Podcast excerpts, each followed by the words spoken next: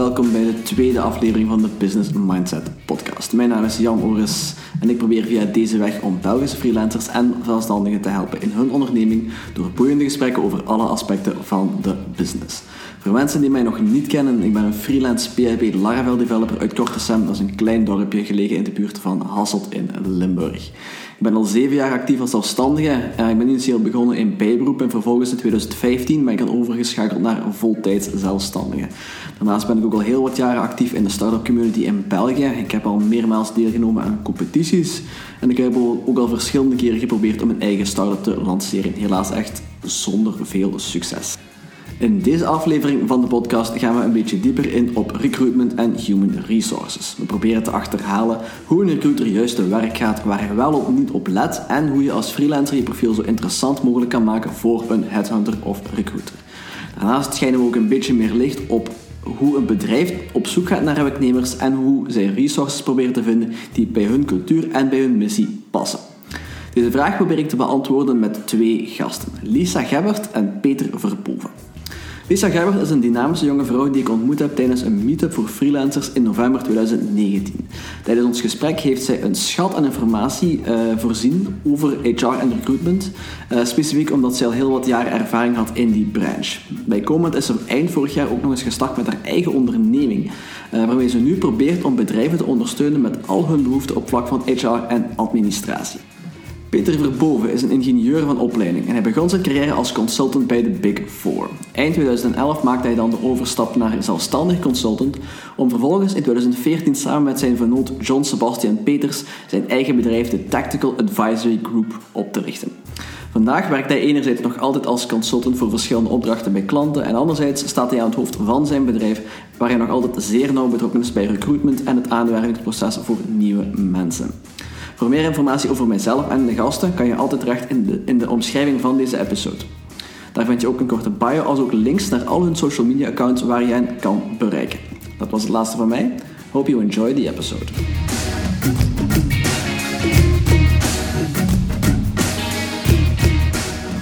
Alright, de, de, is gezet. Uh. Ja, dat wel. We gaan wel het niveau iets hoger leggen ja, dan dat. We gaan niet alleen over de afwas, maar ook de droogkast. Misschien moet je volgende keer een instructie in maken. Zo, Zo een ding, een, een SOP. Zo gelamineerd. Ja, voilà. En zo Ja. op video. Voilà. Op YouTube zit ze. Gooi, draaien, box.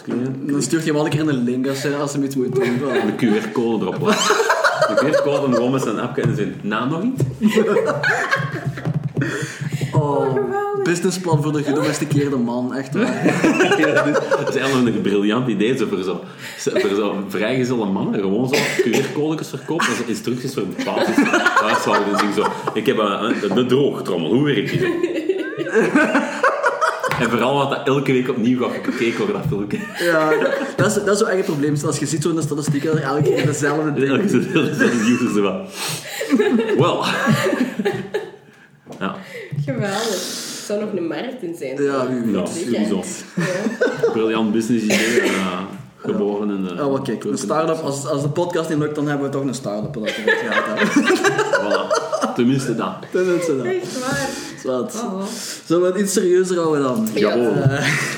Zwat. Ehm, we gaan beginnen met een paar opwarmtjes, had ik gezegd. Ehm, ik ga er een paar uithalen. Dus een heel korte vraagjes. De bedoeling is dat we gewoon eh, er niet te lang over nadenken. Antwoorden in 15 à 10, 10 of 15 woorden. eh, woorden.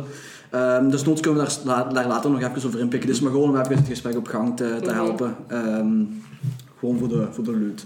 Lisa, ik ga beginnen met jou. Mhm. Wat is de grootste win die je tot nu toe al bereikt hebt? Goh. Ik zou eerlijk zeggen, gewoon eigenlijk de stap van, van te beginnen ondernemen uiteindelijk. Ik vind dat tot nog toe het resultaat op dit moment, goed, dat is zo variabel. Ja. Ja, gewoon de stap gezet te hebben en het gewoon effectief doen. Ja. Wat is het eerste wat je doet als je begint met je werkdag? Goh. Ja, ik denk dat iedereen heeft een laptop open. En een goede tas koffie misschien nog erbij. dat sowieso, zonder marcheert dat niet. Nee? Nee. Het is gelijk IT dan, dat is ongeveer hetzelfde. het schijnt, eh, draait de helft van de software in België draait op, eh, op cafeïne, heb ik laten vertellen. Ehm, wat is de beste investering van 100 euro of minder die je al gedaan hebt voor je zaak? Voor mijn zaak 100 euro of minder. Ja, sowieso ehm, denk ik... Ja, de marketing daar rond. Reclame en, en mijn website. Alles wat daar rond hangt uiteindelijk. Ja. Ja. Ja, gewoon een beetje het, het imago wat je, wat je naar voren draagt eigenlijk. In, eh, Niet per se imago, gewoon het, het, eh, het kenbaar maken uiteindelijk. Dat Ja. mensen weten van, ja, hé, hey, mijn bedrijf bestaat. En we zijn er uiteindelijk, ja. Ja. Ja. Peter, voor jou. Ehm, welke truc of gewoonte gebruik je om zo vlot en efficiënt mogelijk te werken? Met een agenda en Outlook. In Sync waarschijnlijk ook nog eh, met een bepaald programma? Nee, toch niet? Nee, ik, dus mijn agenda en Outlook is heilig en ik heb een paar regeltjes die ik gebruik om ervoor te zorgen dat mensen die niet altijd hijacken. Ah ja. Dat lukt niet altijd, Nee, nee, nee. maar ik heb wel een aantal regeltjes. Ja, lang, lang over gedaan om die op te bouwen zo? Ja. Of, eh, ja. Ja. waarschijnlijk wel. Ja, Dus misschien, work in progress. ja, misschien nog een, een leuke, een leuke how-to video die, die misschien nog eens ja, gemaakt Ja, voilà, doen, ja. Eh, waar heb je het meeste schrik voor in je zaak? Ehm, er, er zijn verschillende elementen hè, in, de business waarin wij in zitten die, die verkeerd kunnen gaan. Eh, ik denk voornamelijk, eh, ik doe dit samen met een vennoot. Ik denk als één van ons twee echt serieus ziek wordt, ja, dan, dan heb je een probleem, punt aan de lijn, want je blijft nog altijd de motor van je bedrijf. Ja. Dus, eh, en dat hebben we nog niet helemaal ondervangen. Ja. Dus dat is de grootste schrik. Wat was de, de grootste steun, of van wie kreeg je de grootste steun toen je begon als ondernemer? Hmm, Dat is een moeilijke vraag als er andere mensen Eh, nee, ik denk in het ondernemen zelf, en ik kan dat iedereen aanraden, we zijn met twee begonnen, met twee vernoten. Dat is het contract van de grote liefde, zoals ze zeggen. Eh, maar dat geeft wel steun, omdat ondernemen soms een eenzame job. En nu kijk ik even naar eh een Ja, collega hier rechts van mij. Eh, en dat helpt enorm. Dus Ja. dat betekent dat je ook altijd een klankbord hebt, Hm. om als je twijfelt aan jezelf, op een bepaalde beslissingen, om daar iets mee te doen. Ja, Dat is voor mij de steun. Dat is een steun die, eh, die nog altijd doorloopt, veronderstel ik, die, Ja. die op zich niet veranderd is en die waarschijnlijk hopelijk nog, eh, nog ettelijke jaren blijft, eh, blijft verder gaan. Voilà, dat is hopen. En uiteraard heb je de steun van thuisfront nodig. Hè, want als, Ja. als je vrouw een gezin niet mee wilt, ja, dan dat, Nee, ik denk... steun. hebben, ze, hebben ze daar ooit schrik voor gehad voor, voor, voor de stap of zo ergens? Ja. Ja, toch? Mijn, mijn vrouw was daar heel, uh, heel kak in. dus zij, was daar, zij was niet zo ondernemersgezind. En nu is dat allemaal helemaal anders. Maar ik denk dat voor veel mensen, en vandaag zeg ik de stap om het te durven, om te doen, dat is ja. het, het eerste wat je moet zetten. Ehm, en voor veel mensen is het ergste om een barrière, precies dat je er, eh, de, de, de snelheid van het licht moet gaan om er door te geraken door die barrière, maar dat is niet. Het is eigenlijk gewoon opstaan en het doen. Ja, mentaliteitswijziging uiteindelijk meer dan effectief. eh, Ja. de- op zich, de, de stap is niet zo groot. Het is vooral voor jezelf de beslissing maken van kijk, ik, ik, ik wil het doen en ik ga het doen. En, en, en niet bij de eerste twee of eerste drie hindernissen eh je omdraaien en, en, en beginnen nadenken over waar dat je mee bezig bent. Ik denk dat dat... eh, allee, dat is toch ook uit, het, uit de vorige episode is dat, is dat meer dan, meermaals gebleken dat dat, eh, dat, dat een, eh, ja, de voornaamste factor is uiteindelijk. Ja, dat klopt. Zwat, dat was, al, eh, dat was al een mooi begin. Ik ga daar zelfs misschien nog een beetje verder op inpikken. Dat was eh, heel interessant. Eh, uw kalendertips wil ik zeker nog wel eens horen in detail. Misschien niet nu, maar een ander moment. Ik denk dat dat, dat, dat sowieso wel heel, heel nuttig kan zijn. Graag. Goed. Ehm, nu, vandaag zijn we... we zijn hier niet over, om over lullige weetjes te praten. We zijn hier een beetje over recruitment te praten. Over het algemeen, zowel voor freelancers als voor ondernemers. Lisa, jij zit in, de, in de HR, mag ik wel zeggen. Hè? Ook Ja. effectief jarenlang ervaring in. Peter, jij... Jij doet aan HR, ik zal het zo zeggen. Eh, hiring en, en, en outsourcing ook, denk ik. Hè? Ja, Ehm, ja, ik, heb, ik zit aan de andere kant van de tafel van, eh, van jullie twee. Eh stond de ene in het midden, eh, de andere eh, iets verder. Ehm, dus ik denk, eh, in die zin denk ik dat we alle drie wel, eh, wel iets eh, bij te brengen hebben aan het geheel. Lise, misschien kun je even schetsen eh, hoe jij begonnen bent, hoe je erin gerold bent, waarom dat, dat hetgene was waar je mee wilde beginnen met HR, of hoe dat, dat gekomen is. Goh, dat is eigenlijk heel toevallig gekomen. Ik heb daar ook totaal niet voor gestudeerd uiteindelijk. Hè. Ik heb voor leerkracht Nederlands-Engels gestudeerd. Dat is iets heel anders. Dat is totaal anders. Eh, en ik wist totaal niet wat, wat ik moest gaan doen. Ik wist alleen dat ik geen les wou geven. Dat is- was het enige wat ik wist. En eh, ik ben letterlijk gewoon ehm, het bureau waar ik effectief bij ga werken. Ik ben daar binnengewandeld en ik kwam daar met een job buiten. Ah ja, dat, allee, ik ben in de uitzendsector gestart. En ik, ik, eh, ik ging naar binnen en ik zeg van ja, kijk, ik wil een job. Ah, ik heb nog geen idee wat. En ik ben er letterlijk met een contract gewoon buiten gewandeld. Dus dat was gewoon zot. En dat bleek gewoon mijn sector te zijn. En ik heb er ongelooflijk veel, veel bij geleerd uiteindelijk. En ja, ik zou, er, ik zou er niet uit willen. Ja. Gewoon totaal niet. Het is een superleuke sector. Het verandert constant. Constant met mensen bezig. Dus ik vind het gewoon, ja, top. ja. Ja, Het verbaast je dan toch dat, dat, dat het dan zo hard meegevallen is. Want uiteindelijk... Allee, ja dat is niet iedereen gegeven. Hè? Nee, het is dat. Allee, als, je er, als je er nooit aan gedacht hebt om, om, om, om zelfs maar daarmee bezig te zijn... Nee, ik, ik wou het eigenlijk gewoon in eerste instantie nog niet eens over nadenken, omdat mijn mama altijd HR-manager geweest is.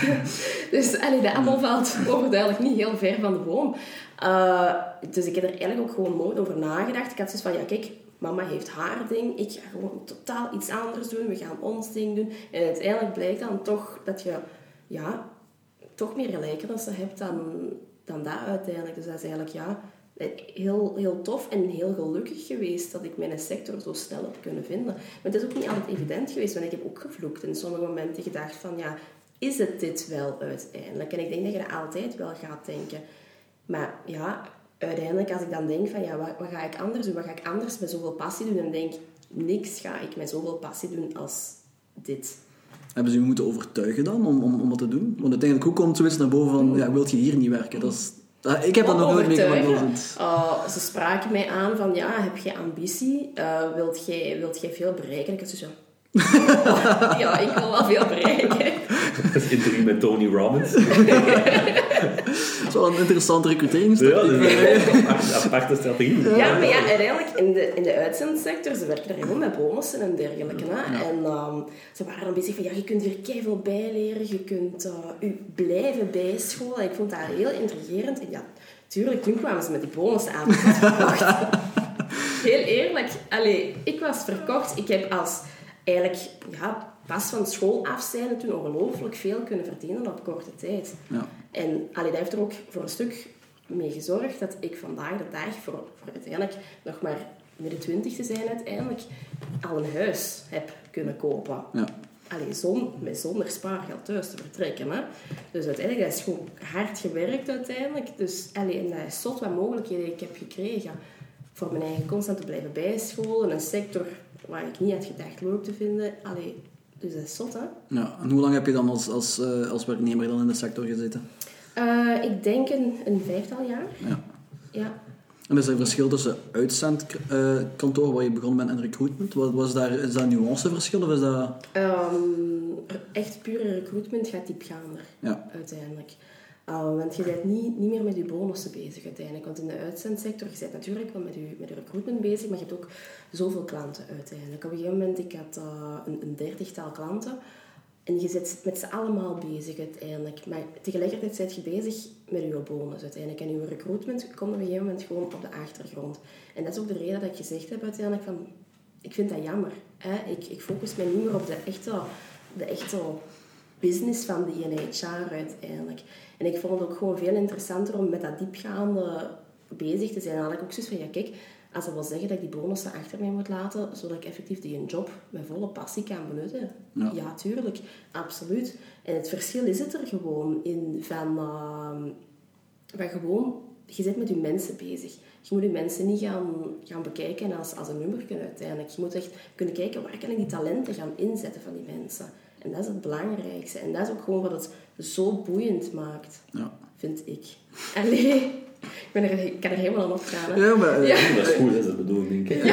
Ik denk, ik denk als je, als je je is- job niet met passie doet, en als je er alle keer met tegen zijn over moet beginnen praten zelfs, ik denk dat we- dat dan een duidelijk signaal is dat je, Ja. dat je naar iets anders moet kijken. En ik denk Ja. dat dat... eh, allee, Mm. dus het is al heel fijn dat je, dat je zo vroeg eh, gevonden hebt waar dat je, waar dat je zo... eh, Dat je zo, zo hard aan opgaat. Allee, mijn, mijn dochter die had, die had vorig jaar een, een stagiaire bij haar op school van, van midden 40.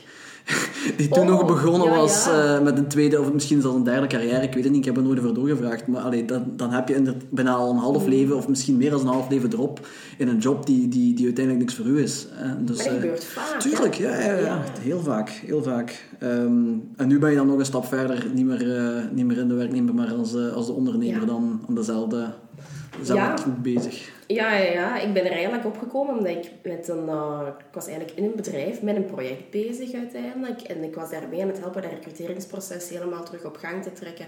Ik had dan ook een klein team van, uh, van twee recruiters bij mij zitten. En uh, op een gegeven moment had ik zoiets van... Goh, wat als ik dit op mijn eigen kan doen uiteindelijk? Als ik effectief ook kan, dat kan uitbreiden. Effectief beginnen nadenken van oké, hoe gaan we dat aanpakken? Dus ja. En ik ben ook kei ondernemend, dus ik wou dat gaan doen. ja. Ja, maar ja, dan, dan was er de drempel ook gewoon van, van ja, oké, goed, je bent jong. uh, en mensen die je zeggen, oh, je moet dat niet doen, dat is een risico. uh, Stop. Nee, ga terug in, in, die, in die lijn lopen. En, ja, en ik ben gewoon iemand, als iemand mij zegt, je moet in die lijn lopen, ik draai mij rechtsom en ik ga de hele andere kant uit. Ja, dat, dat herken ik ook wel. Ja. Peter, jij zit aan de andere kant van de tafel. Enfin, uh, ik zal het zo zeggen, Lisa zit tussen ons, uh, uh, tussen ons in eigenlijk, ja. als ik het zo mag zeggen. hoe, of, of, of eens even toe wat, wat, wat jouw, jouw, jouw ervaring is met recruitment en HR, ik zal het zo zeggen. Ja, te, um, ik ben zelf eigenlijk begonnen als consultant. gewoon bij de Big Four, heel klassiek na mijn studies. en ik ben dan op een bepaald moment eerder een, een bedrijf, een Frans bedrijf, een engineeringbedrijf terechtgekomen. Uh, waar dat de, de consultant uh, en, en, kwam dan meer een soort managementrol terecht. En dan moest je een team gaan managen, dan moest je ook eigenlijk mee gaan recruteren, je moest mee sales doen. En op een bepaald moment gaat je, komt er opeens wakker en heb je eigen PNL mee te beheren. Um, en op zich was dat wel leuk, maar ook daar voor mij, na, na vier jaar, krijg je altijd die druk op de verkeerde targets. Het gaat over de PNL, dus het gaat over uw eigen mos, maar ook over de winstgevendheid van het bedrijf. Uh, sorry, wat is PNL juist? Voor en loss, ja. Voor de leek. Uh, dus uh, eigenlijk, dus wat er op neerkwam, um, je beheert je eigen bedrijfje in een groot bedrijf. Mm. Dus je krijgt heel jong heel veel verantwoordelijkheid. En je kunt ook heel veel verdienen. Ook kon echt voor een jongen stel ik zoiets van, dit had ik niet direct zien aankomen. Maar je merkt dat je dat ook een beetje in een gouden kooi komt en in een spiraal naar beneden, omdat je altijd maar meer en meer gepusht wordt om ja, meer omzet, meer marge en zo verder, ten koste van de mensen die je in je eigen team hebt. Dus op een bepaald moment was ik dat wel wat beu, uh, maar toen had ik die ervaring met recrutering al opgedaan. Uh, en ik ben dan zelfstandig consultant geworden. Dus ik heb wel effectief aan de andere kant ja. van de tafel gezeten. Uh, en voor mij, dat ligt eerder aan de hart van een beestje, denk ik ik was niet iemand om echt gewoon puur alleen maar voor mezelf als vrij elektron te blijven functioneren. Dat lag niet zo aan mijn hart. En dan ben ik samen met mijn het bedrijf begonnen. En de eerste jaren zeker heb ik me heel hard gefocust op het recruteren. Waarom? Ja, je, moet de juiste mensen aan boord halen. We werken met een deel zelfstandig, maar voor 80% zijn mensen op de payroll. En je wilt een bedrijf doen groeien, dan moet je echt heel hard kiezen, heel goed gaan kiezen wie zijn de juiste mensen. Um, en dan heb ik dan de ervaring kunnen, kunnen herbruiken van vroeger en verder kunnen verzilveren in het werk al vandaag doen. Ja. Dus bij ons is HR niet alleen het, het, uh, het, recruteren en het moet zeggen, eerst detacheren. Bij sommige mensen op zelfstandige basis wel. Ik denk dat dat ook een duidelijke filosofie is. Maar met de mensen die, die in dienst zijn, gaat je toch ook kijken naar, naar de carrière. Horen die mensen bij ons thuis en over vijf jaar groeien die mee met het bedrijf of ziet je dat niet? Dus dat, dat had ik zelfs nooit gedacht, als eerder van het een technische insteek opgeleid worden, dat ik eerder zo die soft keuzes mee moest gaan, gaan maken en mee moest gaan implementeren in mijn werk. Ja, doe je dat nu nog altijd binnen het bedrijf of zijn dat dingen die, die nu door de HR-manager of iets dergelijks gebeuren? Nee, we doen dat nog altijd. Omdat wij, ja, we zijn nu met, met vijftigtal mensen, dus we hebben nu sinds kort wel wat, wat, wat back-office medewerkers. Maar voornamelijk op het stuk recrutering en ook op het, op het stuk um, back-office zelf echt administratie. We hebben gemerkt dat het HR-verhaal dat het echt moeilijk is om iemand te vinden die zijn eigen meent hoofd van de consultants kan zetten. Ik weet van het verleden, bij mijn aan bedrijven was het altijd een consultant die op een moment zegt van eigenlijk HR interesseert mij en ik snap die job en ik wil eigenlijk nu aan de andere kant gaan zitten. En dat is iets wat wij nog niet hebben gevonden. En ik denk in de toekomst gaan we dat wel nodig hebben. En moeten we dat echt uitbesteden. Maar tot vandaag doen we nog heel veel evaluaties. Voordat ik hier kom, was ik nog een evaluatie aan het voorbereiden. Een jaarlijkse evaluatie uh, halfjaarlijkse evaluatie met de jongere mensen, regelmatig follow-up.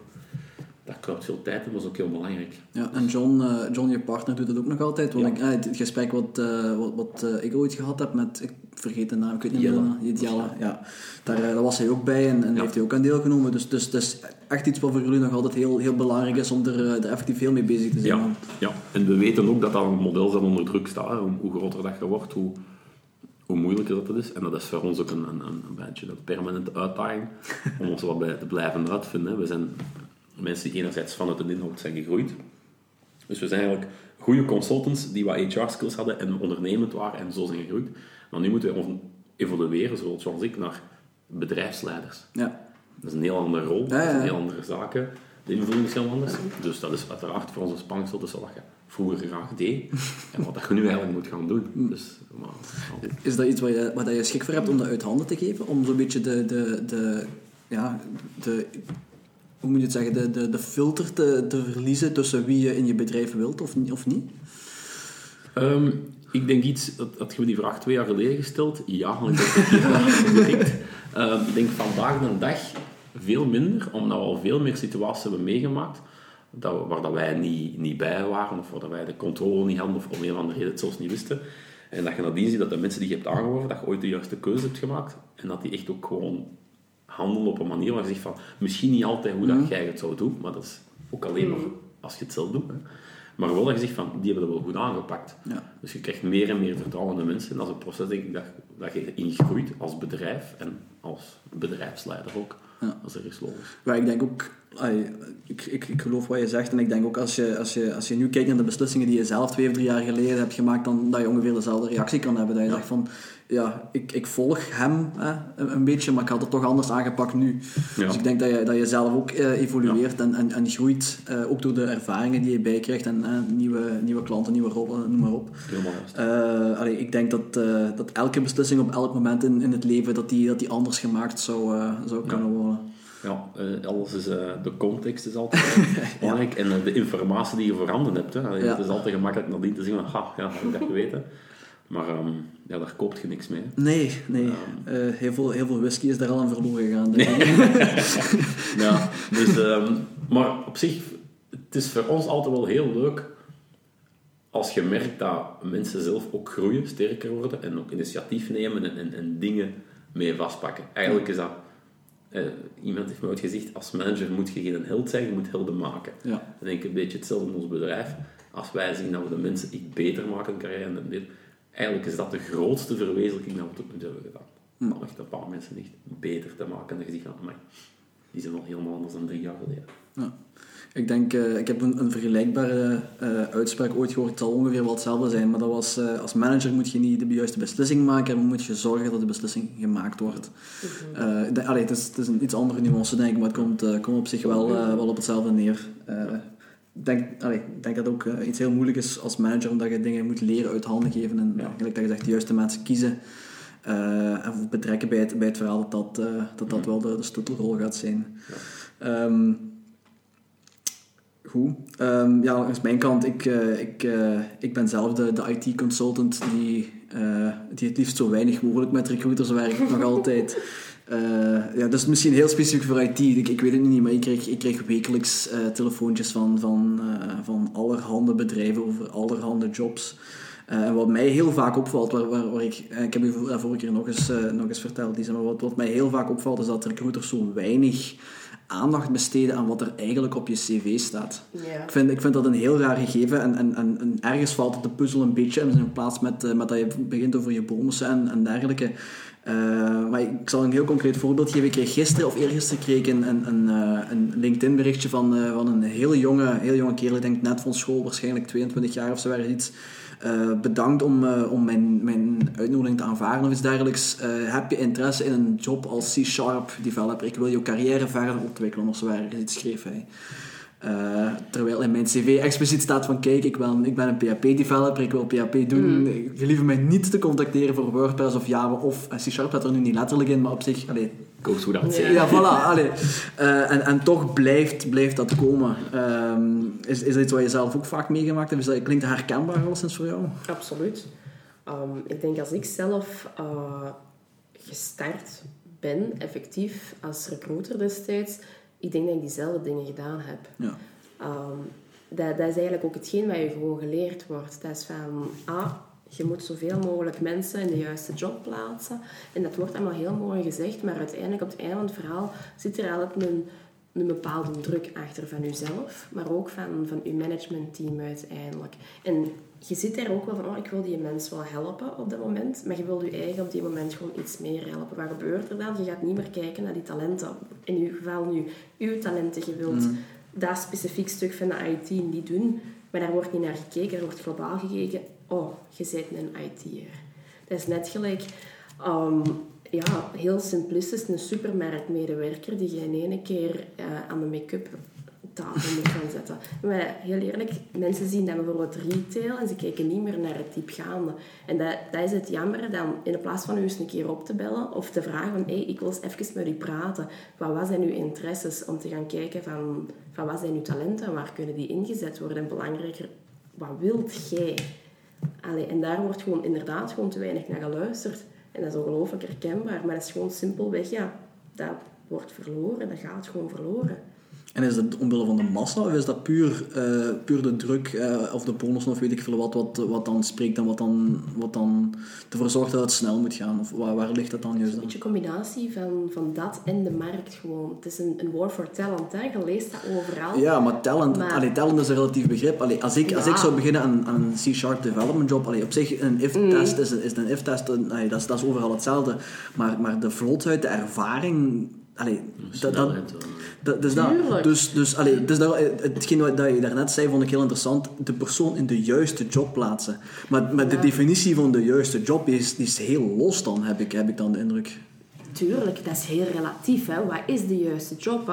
Maar voor u de juiste job is, is daarom voor, voor mij of voor Peter daarom ook nog niet de juiste job. Daarom ook moet je effectief ook kijken, wat wilt het, het individu zelf en wat zijn zijn of haar talenten uiteindelijk en interesses gewoon. Je moet gewoon echt luisteren en dat is wat door een doorsnee recruiter vandaag de dag gewoon niet gedaan wordt. Het begint gewoon met luisteren. Wat wil die persoon en wat kan die persoon en wat zijn die zijn of haar ambities uiteindelijk. Eh, dus ja, het is, het is echt wel herkenbaar. Het gaat gewoon veel te oppervlakkig. Maar het is effectief een combinatie van, gelijk ik zeg, effectief wel die war for talent. Weet je dat er meer openstaande vacatures zijn dan dat er effectief beschikbare werknemers zijn op dit moment. En dat is al sinds ongeveer, ja, laten we zeggen, 2016, 2017 zo. Dus dat wordt alleen maar erger op dit moment. Kortom, wat denken die recruiters? Ze denken van, ja, kijk, goed, ik wil die persoon uh, die, die eigenlijk iedereen wil, die wil ik geplaatst kunnen hebben. Ja. Klinkt herkenbaar voor jou? Ja, ik denk inderdaad, ik, ik kan voor een, een heel groot stuk volgen dat er zelfs nog een paar andere zaken meespelen. Ik denk voor mij effectief, iemand komt van school, eh, ik ken een aantal van die eh, eerder anglo-saxische bedrijven, we het zo zeggen, ehm, waar dat ze heel target-driven eh, werken. En die jonge mensen die krijgen daar een, een, een job description van kijk hier, dat is het, zoekt gewoon maar iets, zonder enige uitleg, zonder enige vorming. En eigenlijk alles waar dat woord developer in staat, LinkedIn gaan die contacteren. Ja. En dus dan zit je met een combinatie van heel veel druk op de persoon die moet zoeken, heel veel druk op de arbeidsmarkt. En dat is dan een beetje een spiraal naar beneden, eh, omdat je al zoveel telefoontjes hebt gekregen van het of eh, staat je ook niet meer open om Nee. nog eens te spreken. Je hebt zoiets van, het is toch tijdverlies. Maar dat betekent dat zelfs de, degene van goede wil heel moeilijk kunnen zien van, ja, hoe hoe gaan we hier nu hè, met iemand mee in de carrière nadenken? Want sommige mensen hebben wel PHP, maar zeggen van, kijk, ik zou eigenlijk toch misschien daaruit willen, of ik wil eerder naar die kant, of andere mensen die dan .NET zeggen, zeggen van, ja, dus goed, ik wil een keer nu Java doen. Wij hebben mensen die in die richting gaan. Dat kun je alleen maar te weten komen als je effectief de kans hebt om ermee te spreken. Ja. En dat is dan moeilijk. Dat is natuurlijk wel, als je de kans hebt om ermee te spreken, helpt het wel om inhoudelijk mee te zijn. ja, dat... eh, En, en, ja, en, en dat merken we wel, ook bij ons, de mensen die HR doen. Wij doen drie heel verschillende dingen. Dus engineering, eh, IT consulting en, en management consulting. Ja, voor hun, zij moeten ook altijd in spagaat gaan om, om alles overal te kennen. Dus dan zeggen we, kijk, dat gaan we niet doen. Probeer gewoon eerst de contact te leggen en eerder op, op het, waar ze echt goed in zijn. Past die persoon bij ons, de cultural fit? En eigenlijk, eh, als, dat, als dat goed is, krijg je gelijk een gesprek met een consultant die je alles kan vertellen over het vak bij mij waar dat jij geïnteresseerd bent. Dat is een approach die voor ons helpt, maar je moet wel het gesprek kunnen aangaan. Ja, ja. De Je moet meeste hem mensen overtuigd krijgen om het, blokken. eh, ja. Voilà. Die zeggen van, dat is toch allemaal eh, 13 in dozijn. En dat is een beetje een jammer verhaal, want ik denk ook voor, voor mensen zelf die, die, die op zoek zijn, wordt het nu moeilijk om echt de juiste job te vinden, want nu kunt je je eigen openzetten voor opportunities. En dan komt er opeens een tsunami van, in, eh, van in-mails op je af, waarvan misschien 5% relevant is. Ja, op die 5% gaat je dan misschien eens klikken en dan heb je iets van, ah, oké, hier, hier moet ik het dan mee doen. Terwijl misschien het ook niet echt Nee. is wat je, wat je zoekt. En dat is vandaag nog heel moeilijk en dat vind, ik- dat vind ik wel spijtig. Ehm, dat die drukker zo is, want het komt allemaal echt... Er zit een hoog uh, bol.com. Het moet echt heel snel gaan, instant, Ja. eh, direct. En, en, en mensen willen ook direct van job swingen. Ja, goed, eh, ik heb zelf ook ooit zo'n impulsieve beslissing gemaakt. Maar soms over een carrière moet je nadenken en toch een paar gesprekken. En dat is niks verkeerd mee. Dus, eh, Is er hoeveel verschillende segmenten of, of eh, eh, beroepsafdelingen heb je, heb je behandeld als, als recruiter? Is dat, is dat, was dat gefocust op IT of was dat, was dat, was dat heel breed? Hoe breed ging dat? Wel, ik ben eigenlijk gewoon heel sec begonnen met, met één segment en ik kwam me eigenlijk ook enkel daarop focussen. Ik heb ook, eh, ik denk, twee jaar puur op de retail gefocust. Eh, en ik wou dat ook door en door kennen uiteindelijk. In het begin deed ik dan een beetje fashion, een beetje voeding, een beetje non-food. En uiteindelijk, je- je merkt gewoon, als je diepgaand wilt kunnen recruteren, je kunt niet alles Nee, even goed klopt. kennen. Laat staan dat je daar feeling mee hebt, begot. Ehm, ik merkte voor mijn eigen, ja, fashion, dat was totaal niet mijn ding. Voor vrouwen zijn, dan is dat blijkbaar een heel bizar ding in de recruitmentwereld, dat je niet in de fashion wilt recruteren. Maar dat was totaal niet mijn ding. Ik vond het leuker om met, ehm, met echt zo'n mensen die, die in een, eh, in een doe-het-zelf-zaak of dergelijke zet. Dat vond ik geweldig uiteindelijk. Ik had daar ook een geweldige feeling mee. En op een gegeven moment kon ik ook echt zeggen van oké, ik begrijp wat die mens wil zeggen. Achteraf ben ik dan ook naar vertegenwoordigers gegaan en naar echt management, personeel, ook wel retail gespecialiseerd. Ja. Ik vond dat een bangelijke sector. Dus ondanks dat het breed kan, blijft het nog altijd vrij gefocust. Grosso modo, hè, dat, is, dat is uw ervaring Het- ermee. Ja, het kan breed. En sommige eh, bedrijven kiezen er ook voor en zeggen tegen hun consultants: ah wel, bel er maar op los, prospecteer er maar op los. Doe maar een bouwbedrijf, doe maar dan een supermarkt. Maar het gevaar zit er dan in, je kent je profielen niet door en door. Nee. En hoe kun jij ja, als specialist uiten naar je potentiële klant op die moment, als je eigenlijk achter vijf minuten met een elektricien bezig bent en dan zijt jij terug bezig uiteindelijk met een loodgieter, om het zo te zeggen. Je kunt je niet als specialist uiten. Dus ik vind dat gewoon geen goede, geen goede aanpak. Voor mij heeft het gewerkt om mij effectief te kunnen zeggen van kijk, ik doe dit en ik ben er specialist in, om het zo te zeggen. Ja. Is dat iets wat je nu nog altijd probeert te doen? Dat je, dat je met bedrijven binnen een bepaald segment probeert te werken? Of doe je het nu, doe je het nu anders? Want nu ben je zelfstandig en nu heb je niet meer misschien de luxe om, om echt een, een segment te, te, een niche te pakken waar dat je op focust? Of hoe, hoe zit dat nu? En wat nu, nu zelf op dit moment echt pure recruitment, gelijk een recruitmentbureau, dat weiger ik ook gewoon super om te doen. Absoluut. Ehm, ik help ik, en ik ondersteun wel in de recruitment en die recruitmentprocessen, maar dat is een totaal ander verhaal. Maar ik ga niet voor een bedrijf privé recruiter spelen, dat doe ik niet. Daar heb ik gewoon mijn principes in. Ehm, dat vind ik gewoon ja, te banaal om te doen. Ehm, maar zelf, ja, op dat vlak zeg ik van ook weer van, ja kijk, ik doe HR en ik help je in je recruitmentprocessen, maar echt zo cold call naar kandidaten en dergelijke en e-mails gaan sturen. Nee, dus daarom baken ik ook af. Ja. En um, allee, ik help ook klanten met hun facturatie en dergelijke. Maar aan de andere kant zeg ik dan ook weer van, ja, maar ik ben geen boekhoudkantoor, ik ben geen boekhouder. Dus, Je focust eigenlijk op het optimaliseren van processen dan eerder. Voilà. Binnen, binnen die bepaalde... eh, Inderdaad. Ja. Dus inderdaad, je moet dat blijven afbakenen. Want hoe kun jij zeggen, gelijk ik er juist zei, naar een potentiële klant van ik ben hier en hier echt specialist in, ik ben er een krak in, ik ben daar goed in. Als je zegt van, oh, ik heb deze waaier. Je Ja. kunt nooit zeggen dat je in alle zaken uitblinkt. Daar geloof ik niet in. En dat is ook gewoon zo. Ja. Heb je ooit een verschil gemerkt, eh, Peter, dat mag je misschien ook even toelichten, eh, of, er, of er een verschil is tussen werken als, als recruiter zijnde dan, of als persoon die zoekt naar, naar, naar werk, ik zal het zo zeggen, ehm, dat er een verschil is tussen werknemers of freelancers? Moet je die anders benaderen? Is dat andere... Ja, dat is wel... Wij merken dat echt wel een groot verschil. Ja.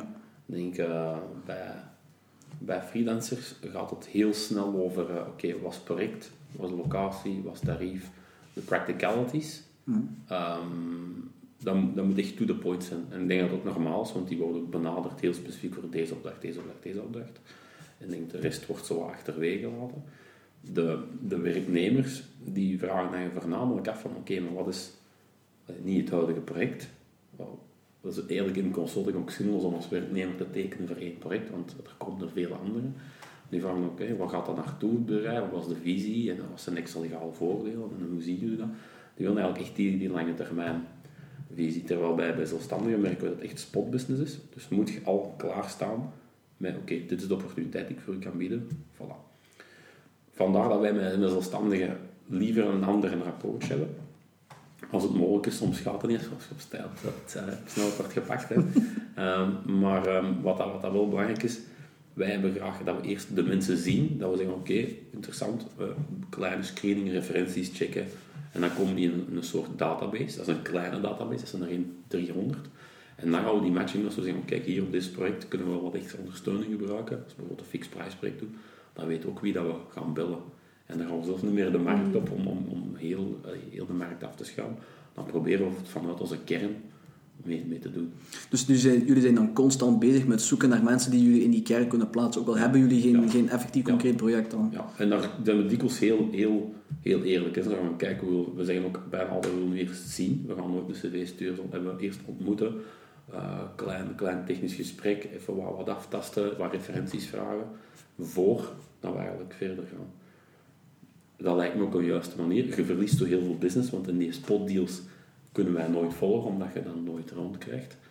Maar wat wij nooit hebben zijn, uh, of, of, of, minder hebben, zijn dan de pro nadien van ja, oké, okay, er loopt iets niet goed, of, of, er is iets dat echt niet, niet gaat, of een kant die al content is. Dus ja. dat is een beetje kiezen. Hè.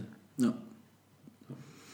Dat is een, uh, een heel moeilijk proces, denk ik. En ik denk, allee, als je, als je een, iemand hebt, of alleszins een, een bepaalde kerngroep waaruit dat je kan kiezen, uh, mensen die, die jou vertrouwen, ik denk dat, ook, uh, dat je dan veel sneller kan schakelen, eens als de nood er effectief is. ik denk dat het, ik kan me er wel bij voorstellen dat dat een soort van vertrouwen is die, dat je hebt, dat je met die mensen wel opbouwt. Ja. ja ik kan je een voorbeeld geven, we hebben een, een, een zelfstandige consultant waar we echt van het begin mee samenwerken. Ja. Van al vijf jaar, die heeft al vier verschillende projecten, zit nu van ons in Frankrijk hebben we een heel goede band mee. Dat is een heel transparante relatie. Mm. En dus een soort exclusiviteit, want je weet ook dat wij graag met werk hebben. Dus eigenlijk gaat je altijd nieuwe projecten zoeken voor die persoon. Ja. Dus nou, je beschouwt dat eigenlijk minder als puur een zelfstandige. Ja. Maar zo is het initieel begonnen. En dat is een beetje onze visie om, om toch langere termijn te werken met mensen. Ja. Kan het zijn dat je, dat je jaren niet met iemand samenwerkt? Want op zich, als er werk niet komt, dan... dan uh en hoe onderhoud je dan contact met die, met die mensen? Um, dat is een hele goede vraag. We hebben het al gehad. Ene keer bijvoorbeeld puur om van gezondheid te trainen. Iemand die, die moest even mhm. afhaken van gezondheid. Uh, en dan van zodra dat beter pikt je dan een, een draad weer op. Uh, of iemand die zegt, oké, ik ga nu een bedrijf of een andere missie doen. Dat is, dat is perfect mogelijk. Ja, uiteraard onderhoud je die contacten. En meestal gaat je nog een keer een koffie gaan drinken als je in de buurt bent. België is een klein land, je komt altijd wel ergens een keer elkaar tegen. Uh, en zo probeert je wel dat contact warm te houden. Ja. Dat contact dat je niet onderhoudt, verdwijnt. Ja, dat, is, dat is zo. Ja. Ik vind het wel een interessante benadering van dat je, dat je eigenlijk al je partners effectief dat ook benadert als een partnership. Ja. Want dat is iets je heel weinig hoort, vind ik, tegenwoordig. Dat is echt gewoon puur contract. Ah, oké, ja, we waren content van u. Super, de factuur komt en het is gedaan. Ook niet iedereen staat ervoor open. Hè. Wij, wij bemerken soms dat, eh, no offense, maar soms freelancers zeggen van, kijk, dit is voor mij hetgeen wat ik wil. Ik wil mijn, mijn, mijn uren ingeven, ik wil mijn, mijn job doen en en that's it. Mm -hmm. En dus je merkt dat ik zo mensen die ooit zelfstandig geworden zijn, omdat ze echt beu waren van een corporate te zitten, die zijn dan heel uh, argwanend als je afkomt van kijk, we zijn eerst een partnership, die hebben van we zullen wel zien. Hè. Dus, um, ja, schrik van als schijnzelfstandige dan misschien ja. benaderd te worden. Dus dat, en, en pas op, dat schijnzelfstandige, eh, denk, denk voornamelijk zelfs uh, niet willen committen. Mm -hmm. Ik denk dat een aantal zelfstandigen die ik ken en die ook van vroeger, dat zijn dan kameraden van mij, die zeggen echt heel ook tegen mij, kijk, het is heel leuk hoe dat jullie met zelfstandigen of met een aantal zelfstandigen werken, maar dat zal mij niet interesseren, want ik wil eigenlijk gewoon echt die vrijheid 100% bewaren. Mm Kan ik er snappen. Maar hoe? Dat, dat, beperkt eigenlijk ook in de zin dat je altijd naar spotdeals gaat. Dus je bouwt weinig relatie op. Dat heeft zijn voor- en zijn nadeel. Ik denk ook, ja, één partij ga je misschien ook niet altijd al het werk. Mm. Dat denk ik. Maar met een aantal partijen denk ik dat je wel een goede relatie kunt onderhouden, een partnership kunt voorzien. Dat, dat moet zelfs niet één partij zijn. Nee, nee, nee. Maar dan denk ik dat dat niet verkeerd is. Nee, maar als, die, als, die, als er dan een, uiteindelijk een slechte ervaring is met die partij en, en je hebt nie, niemand anders in je netwerk, dan, allee, dan is er wel een probleem. Dan, En, en eh, slechte ervaringen, ik kan er, ik kan er wel een paar, eh, wel een paar opnoemen. Ik denk dat je het ook wel kan. Lisa, Ja. ik weet het niet zozeer hoe dat... eh, je hebt misschien vaak aan de andere kant van de tafel gezeten, uiteraard. Maar allee, ik, ik heb, ik heb een, een, eh, een ervaring gehad met een, eh, ik zal ook zeggen, een anglo-saxische organisatie, Ja. om, het, om het lekker cryptisch te houden. ja. Ehm, waar dat er, ja, wat er eh, van alles beloofd werd. Er was een miscommunicatie over, over tarieven. En, en allee, ik geloof eh, ten volle dat dat, dat, dat een, een, een, een, fout is geweest. Eh, dat is eigenlijk gewoon een, een, een, een domme miscommunicatie geweest. En, en via telefoon wordt er dan van alles beloofd. Hè. We gaan het zo en zo afhalen. En uiteindelijk als puntje bij paaltje komt, ja, dan, dan ben je uiteindelijk vijf, zes maanden verder. eh, heb je zeven verschillende mensen aan de telefoon gehad en is het nog altijd niet opgelost.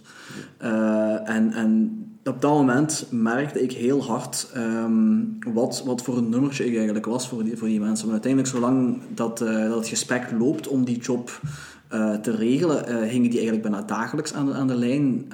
Terwijl als ik, als ik een probleem had en ik vroeg om een oplossing, dan, dan duurde het ja, maanden eer dat ik, eer dat ik ze nog eens te pakken kreeg. En uiteindelijk, ik, heb, ik, heb, ik ben daar zeer ver in moeten gaan voor, voor uiteindelijk voor 60 euro. dat zo zeggen. En voor mij was dat puur een principe kwestie, want het geld heb ik niet nodig. Ja. Eh, en allee, uiteraard, als, als je dan met, met die ene partij, laten we zeggen, 90% van je werk krijgt, dan denk ik wel dat je, dat je een beetje... Frustrerend. Dat was enorm frustrerend. En op zich, allee, ik, moet, ik moet heel eerlijk zeggen, ik ben heel blij dat ik die partij toen gevonden heb. Want op dat moment had ik toen, ik had toen heel snel een, een spotdeal nodig, zoals je het zegt. En ik heb die toen gevonden en op, de- op dat, in dat aspect ben ik hen heel dankbaar. Omdat eh, als ik hen niet gehad had, eh, allee, je weet niet hoe het gelopen kan zijn. Het kan zijn dat je de dag erna opnieuw telefoon krijgt van iemand anders, maar goed. Ehm, maar dus eh, de opportuniteit was er, ik heb hem genomen en, en daar heb ik geen spijt van, maar ik vind het, ik vind het eh, zeer dramatisch eh, en zeer tekenend over hoe dat het afgehandeld is. En dat heeft mijn vertrouwen in de recruitment sector wel serieus ingedrukt. Eh, en dan in combinatie dan met, met het feit dat je, dat je zo van die, van die mails of telefoontjes krijgt die compleet de bal misslaan, wat mij betreft. En waar, waar naar mijn gevoel eh, er geen rekening gehouden wordt met wie jij bent en, en, en waar je naartoe wil. Eh, ja, dat, dat, dat vind ik dan geen aangename manier om, eh, om, om mee te werken.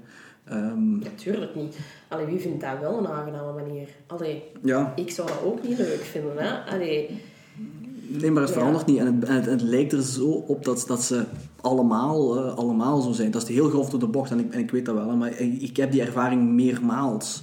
ja. Dus, eh, Maar ja, het is gelijk ik zeg, het is puur competitie. Hè? Als Ja. je gaat bekijken naar, naar recruitmentbureaus, uitzendbureaus, um, headhunters, die zijn allemaal op een gegeven moment gelijk paddenstoel uit de grond gekomen. En ze zijn effectief met, met heel veel. Je een paar ongelooflijk grote spelers, Ja. maar dan heb je ook middelmatige en kleine spelers in de tussentijd. En ja, heel eerlijk, ze zijn met zoveel en eigenlijk is die markt gewoon overzadigd gewoon. Ze zijn met te veel. Gewoon simpelweg met te veel.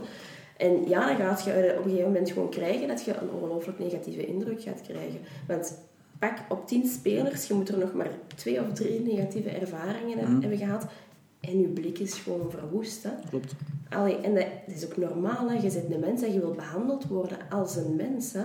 En je wilt ook kijken van oké, ik, heb, ik heb mijn noden, gelijk gezegd, ik heb mijn behoeftes, ik heb mijn ambities, ik wil ergens naartoe. En je wilt ook dat er naar geluisterd wordt als je naar iemand gaat om te zeggen oké, want in principe met die mensen sluit je evenzeer een partnership af op Ja, die ja, moment. hè. uiteraard, uiteraard. Je wilt eigenlijk ook ehm, achteraf daar nog, nog een connectie mee kunnen vormen. Wie weet, kunnen zij u nog een keer helpen, kunt jij u nog een keer helpen. Maar als dat vertrouwen beschadigd wordt, ja, tuurlijk dat uw vertrouwen in de sector dan een fameuze deuk krijgt. Dat is ook niet meer als normaal. Maar dat is ook gewoon ongelooflijk jammer, want het is eigenlijk wel een schone sector. Ja, maar dat geloof ik wel. En ik denk dat je daar heel mooie dingen in kan doen. Maar, maar het is moet het gewoon doen. Ja, ja, maar allee, Ja. Ik, ik, ik, wil even terugkomen op, eh, op het gesprek dat we vorige keer gehad hebben in, in, in november. Ik heb ook de indruk dat, dat, eh, dat je vaak de kans ook niet krijgt om die dingen te doen. Omdat ehm, eh, het- de manier waarop jij erin gerold bent, Lisa, is, is, is tekenend. De drempel is zeer laag.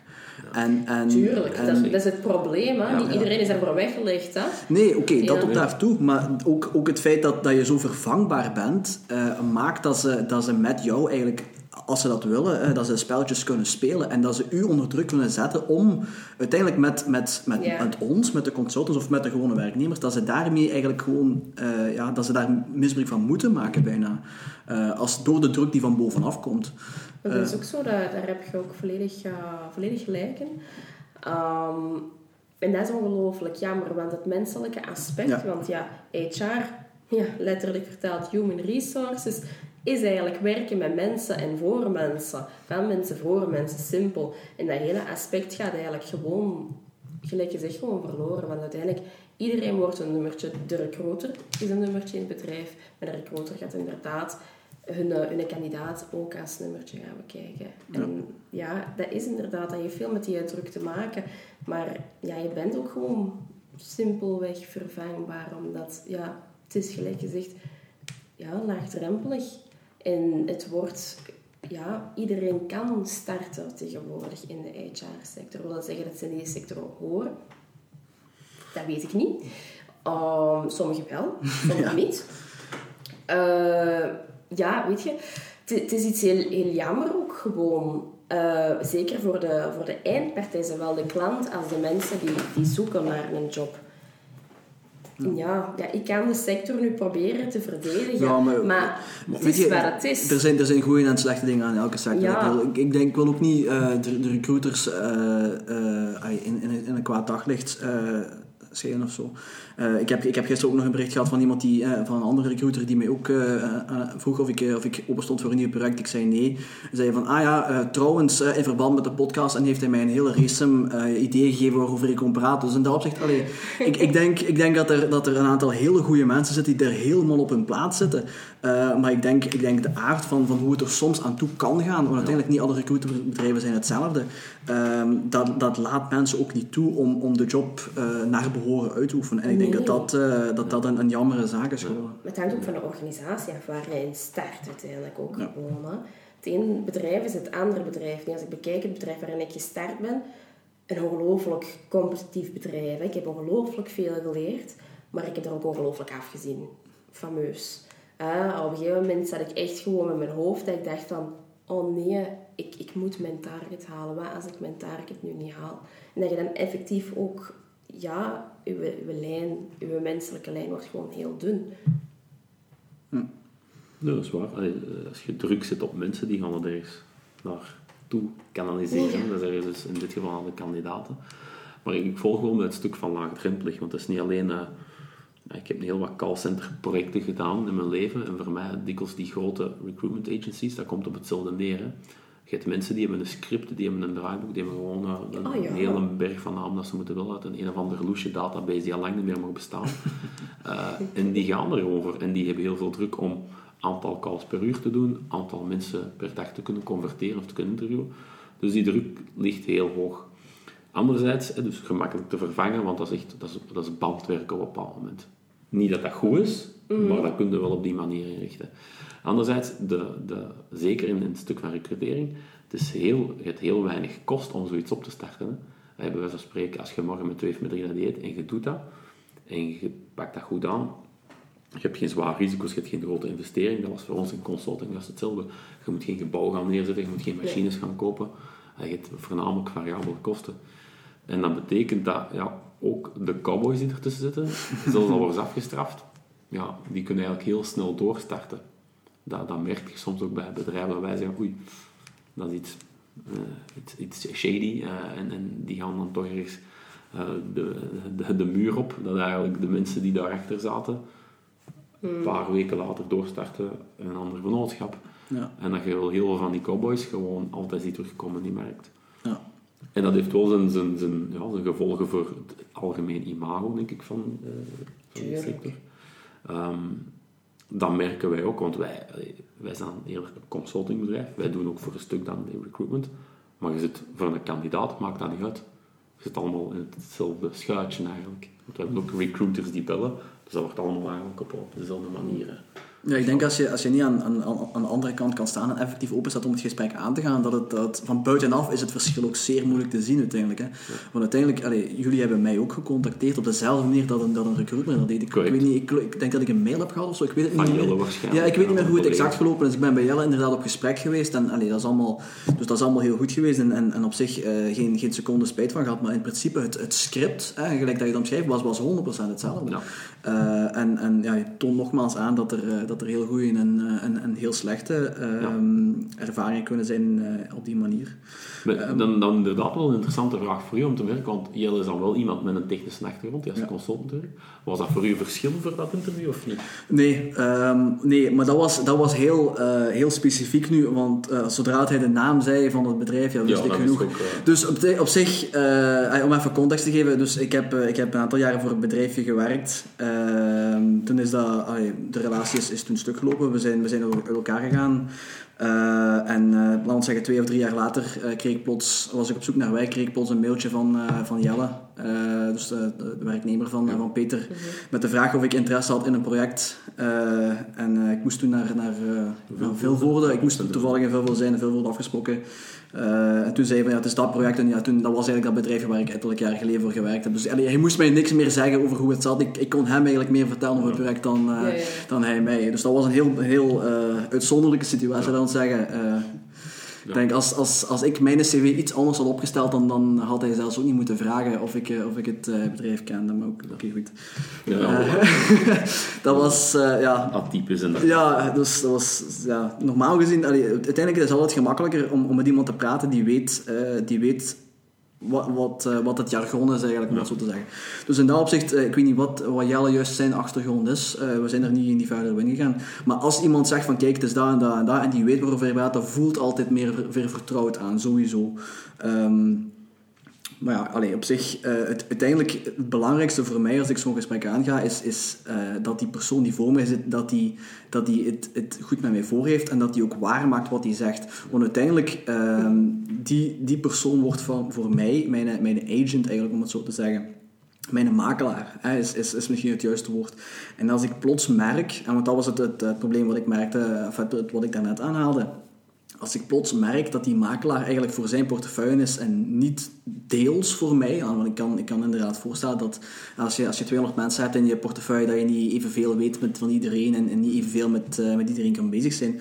Maar als, als die persoon plots eh, onbereikbaar is voor, voor vragen of voor opmerkingen of voor, voor aanpassingen eh, die in jouw voordeel zijn, ja, sorry, maar dan, dan heb je het niet goed voor met elkaar en dan, dan loopt er duidelijk iets mis in de relatie. Ehm, ik, ik denk dat dat veel belangrijker is dan op zich of, eh, of die persoon technische kennis heeft als die voor mij zit. Ja. Ehm, maar goed, het, het- is sowieso wel een, een, een betere indruk als je, als je in eerste instantie eh, het gesprek kunt aangaan met iemand die min of meer voeling heeft met, eh, met, met de leefwereld waarin dat jij dagdagelijks zit. Dat wel, ja. Oh, ik heb vandaag, en dat was, we hebben nu dus, heel kortelings eh, eigenlijk een contractvoorstel gegeven aan iemand, heel, heel senior ontwikkelaar, heel veel ervaring. En eh, we hadden allebei, eh, allebei een heel goede klik, maar die heeft van eh, elders getekend, voornamelijk omwille van het financiële aspect. Nu kan ik er niet op afrekenen, ik denk dat iedereen zo geld gaan werken en is ik zie niks verkeerd. Maar wat ik wel heel hard heb geapprecieerd, is dat die man nu, en we hadden dat ook telefoons besproken, die heeft echt een hele mail zich met een aantal verbeterpunten en zaken voor feedback voor in ons recruteringsgesprek. En daar heb ik zoiets van, als mensen de moeite daarvoor doen, ja, als bij spreken iedereen dat zou doen, dat is misschien wat veel, veel prikkels, maar je hebt heel weinig mensen dat op zo'n gestructureerde goede manier doen, dan eigenlijk, ik dat eigenlijk ook wel geapprecieerd. Omdat hier kunnen we iets mee. Ja, want IT-recrutering is moeilijk.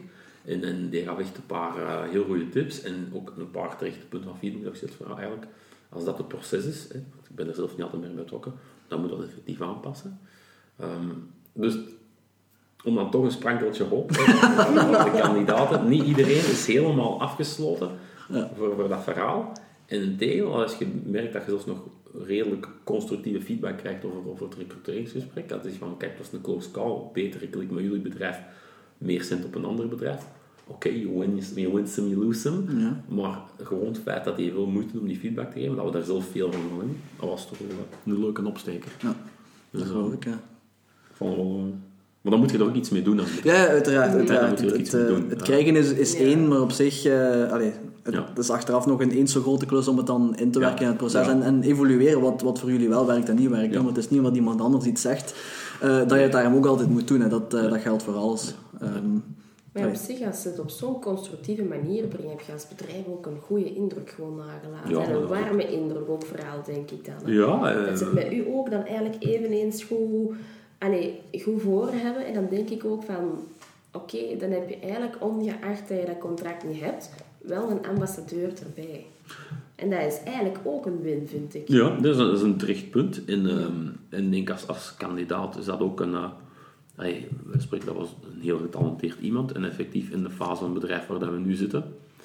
eh, ik denk dat wij, puur als we naar kijken naar pakketten opzichte van vijf jaar geleden, puur een start-up, ja, dan kwamen echt mensen voor dat start-up gevoel. En dat was een beetje eh, pizza elke avond eh, aan de tafel en iedereen tot 12 uur doorwerken. En dat was een heel andere sfeer dan vandaag. Vandaag zit je in een scale-up. Maar je hebt ook al wat meer middelen om de mensen een mooi pakket te geven en zo verder.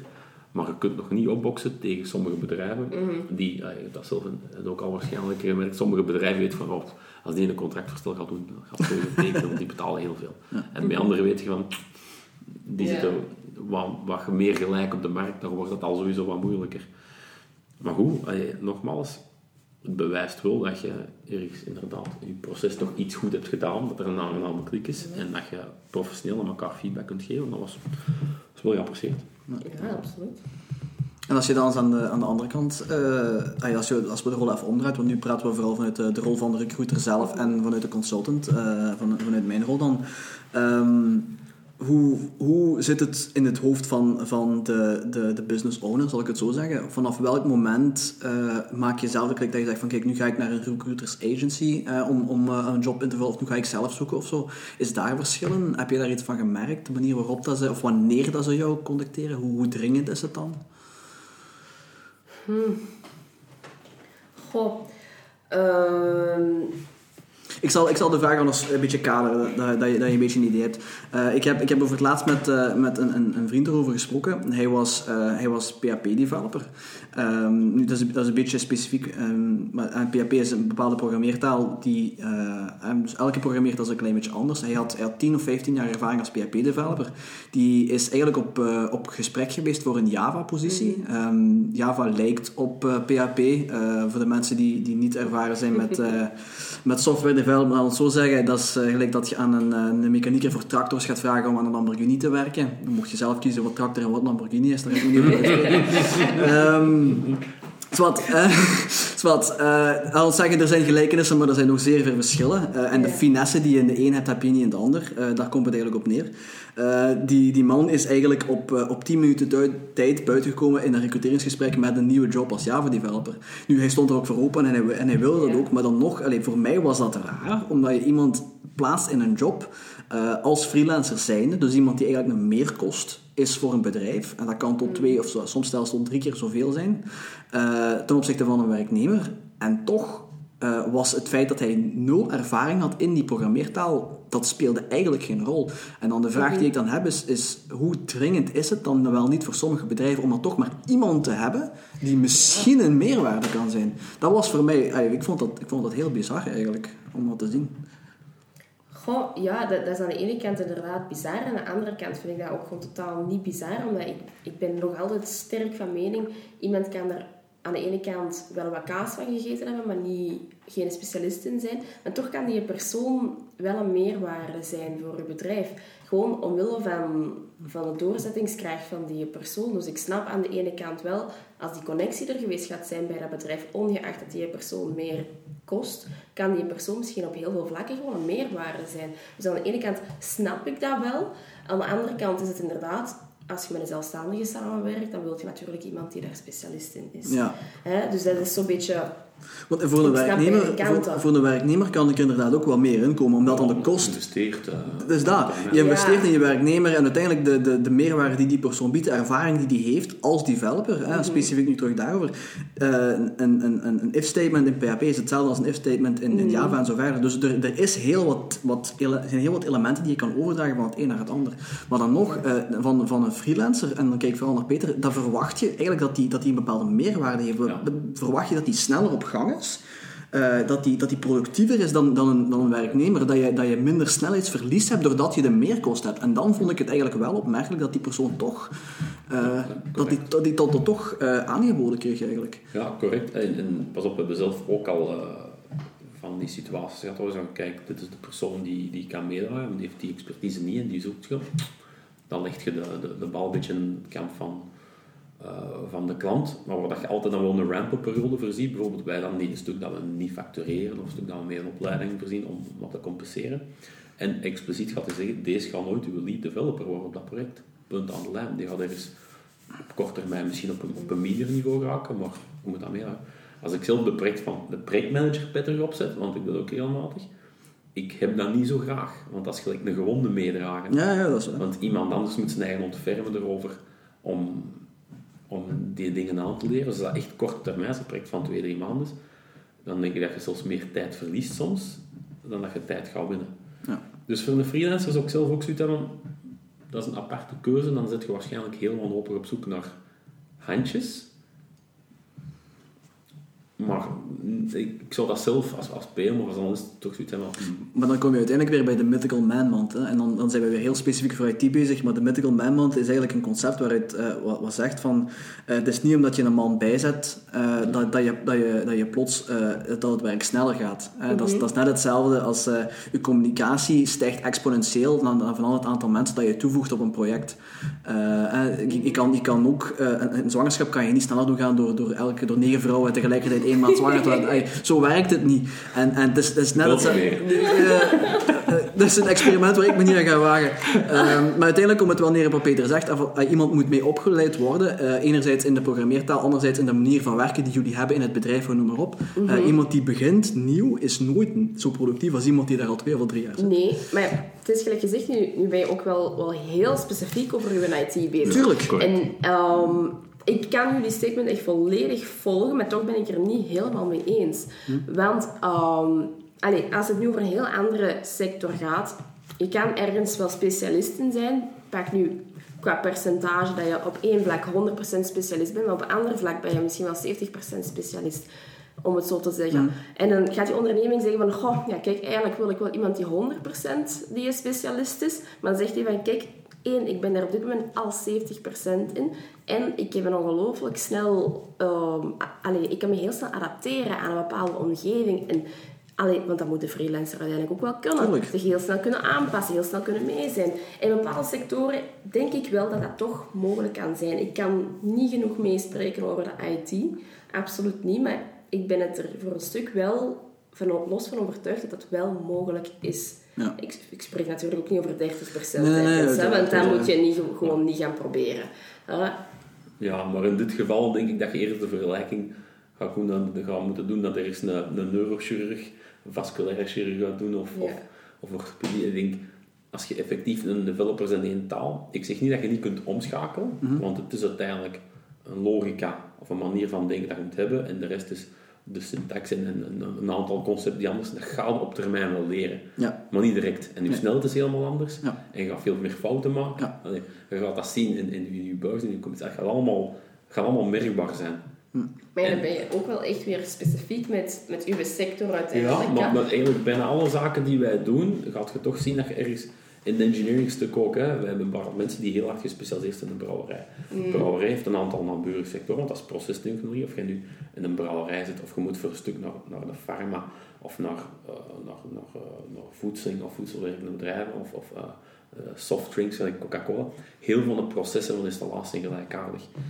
Dan zit je die persoon morgen bij spreken in een chemical plant, die gaat echt kijken naar wat is dit? Want dat zijn heel veel zaken die niet, niet terugkomen. En de toegevoegde waarde van de persoon die je gaat plaatsen, ja, die, die wordt helemaal teniet gedaan. En in dat opzicht moet je wel het verschil maken voor mij tussen een generalist en een specialist. Een ontwikkelaar is by default voor mij een specialist, iemand die in een bepaalde taal meegaat, die een bepaalde zaken. Als je spreekt over een, een functionalist, een projectleider, Ja. eh, een werkleider, zo zaken.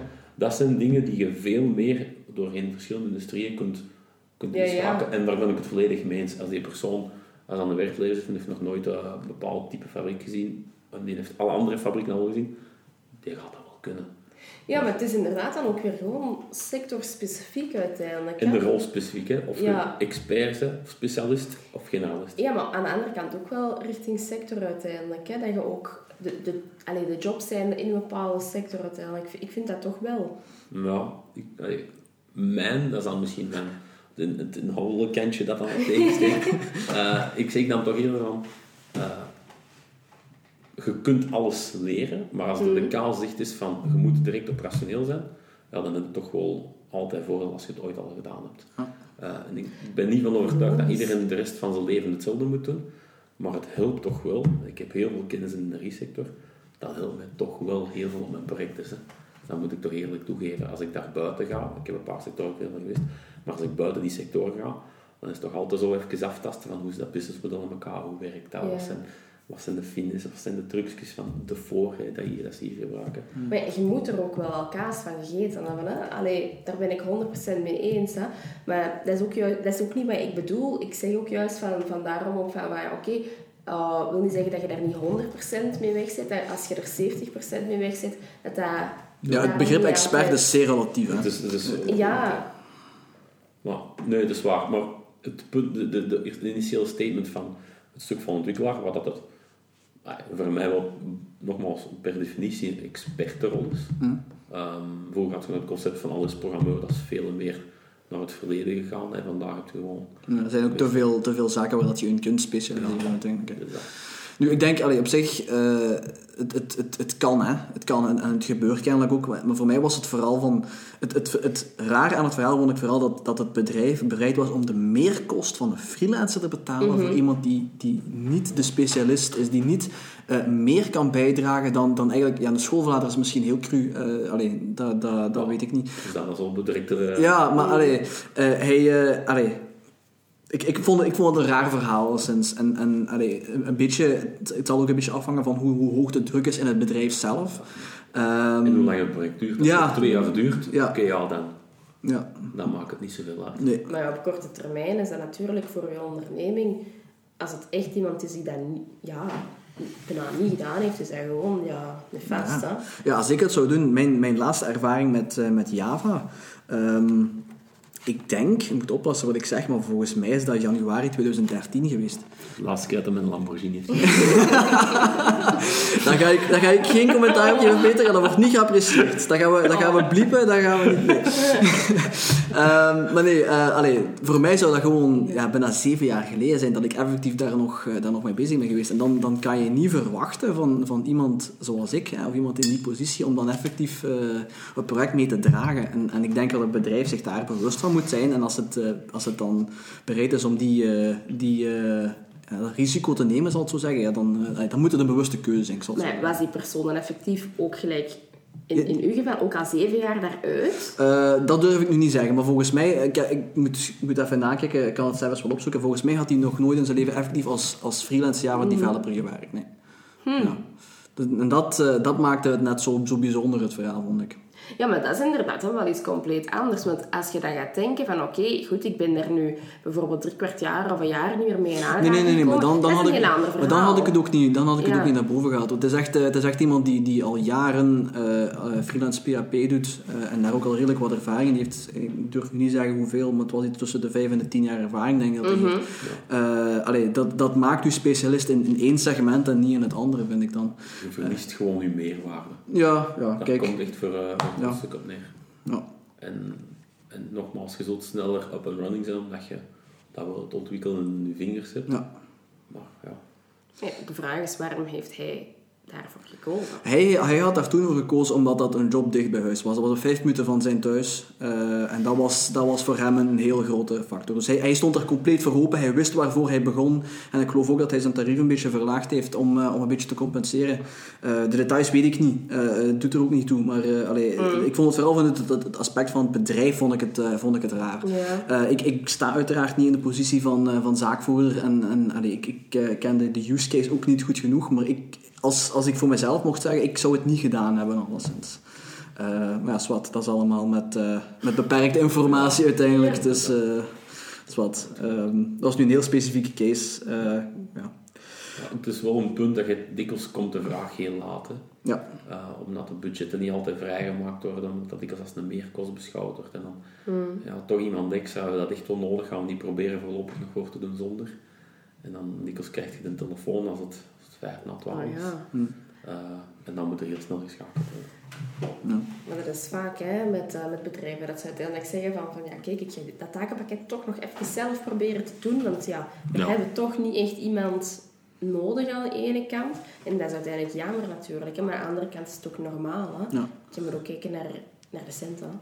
Zie je het vaak dat, eh, dat er eerst in eerste instantie gezocht wordt naar een werknemer en daarna pas een freelancer? Of hebben sommige bedrijven echt die klik van nee, we willen gewoon een freelancer, want dat is gemakkelijker? Nee, dat zit niet in de, Nee. in de Vlaamse markt nog niet. Nee? Nee, dat is Nee. ver, verre van. Dat, dat zijn we echt nog niet. Nee. Echt Nee. nog niet. En is dat, is dat iets wat, wat moet komen of wat, wat best komt? Of wat, wat is jullie ervaring daarmee?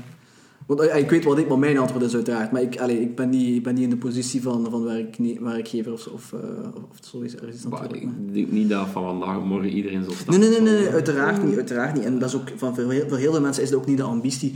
Maar ik heb wel het gevoel dat soms er een beetje een aversie is ten opzichte van freelancers. En dat, dat begrijp ik soms niet. Ik begrijp dat dat meer kost is. Ik begrijp dat dat niet iets is wat je, wat je structureel wilt gaan doen. Hè? Want eh, uiteraard, dat, dat, dat vreet aan je eigen marges. Eh, maar, maar, ja... Maar Ik ben het fundamenteel niet eens dat het een meerkost is. Want stel dat je eh, puur als, als- weer projectpit op, je moet even iemand gaan, ik moet een project gaan doen, want we zitten echt dikwijls in die projectbusiness, je moet een project gaan doen en je kunt een aantal mensen kiezen, een aantal mensen die iets duurder zijn, maar gewoon veel sneller en efficiënter werken. En vandaar, als dan de meerwaarde van die persoon er niet is, dan moet je dat effectief in vraag stellen.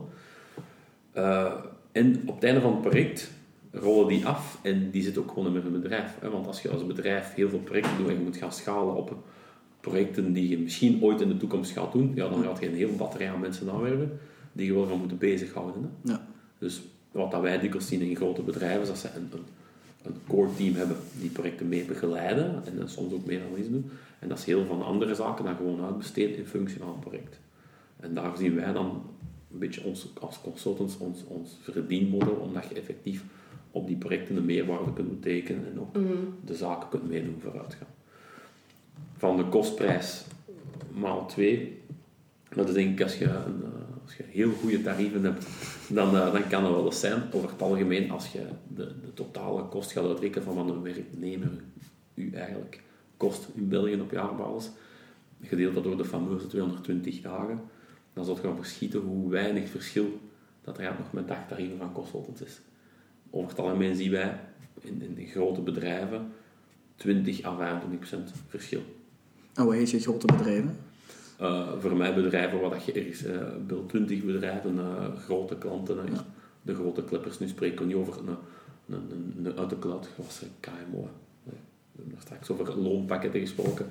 Dus bij die grote bedrijven in de energiesector, in de petrochemische sector, in de farmacie, dat je als werknemer ook heel goed een boterham gaat verdienen. Met bijvoorbeeld, eh, wat dat voor mensen dikwijls vergeten, iemand, een werknemer die heeft 40 dagen verlof per jaar, want zo zijn er.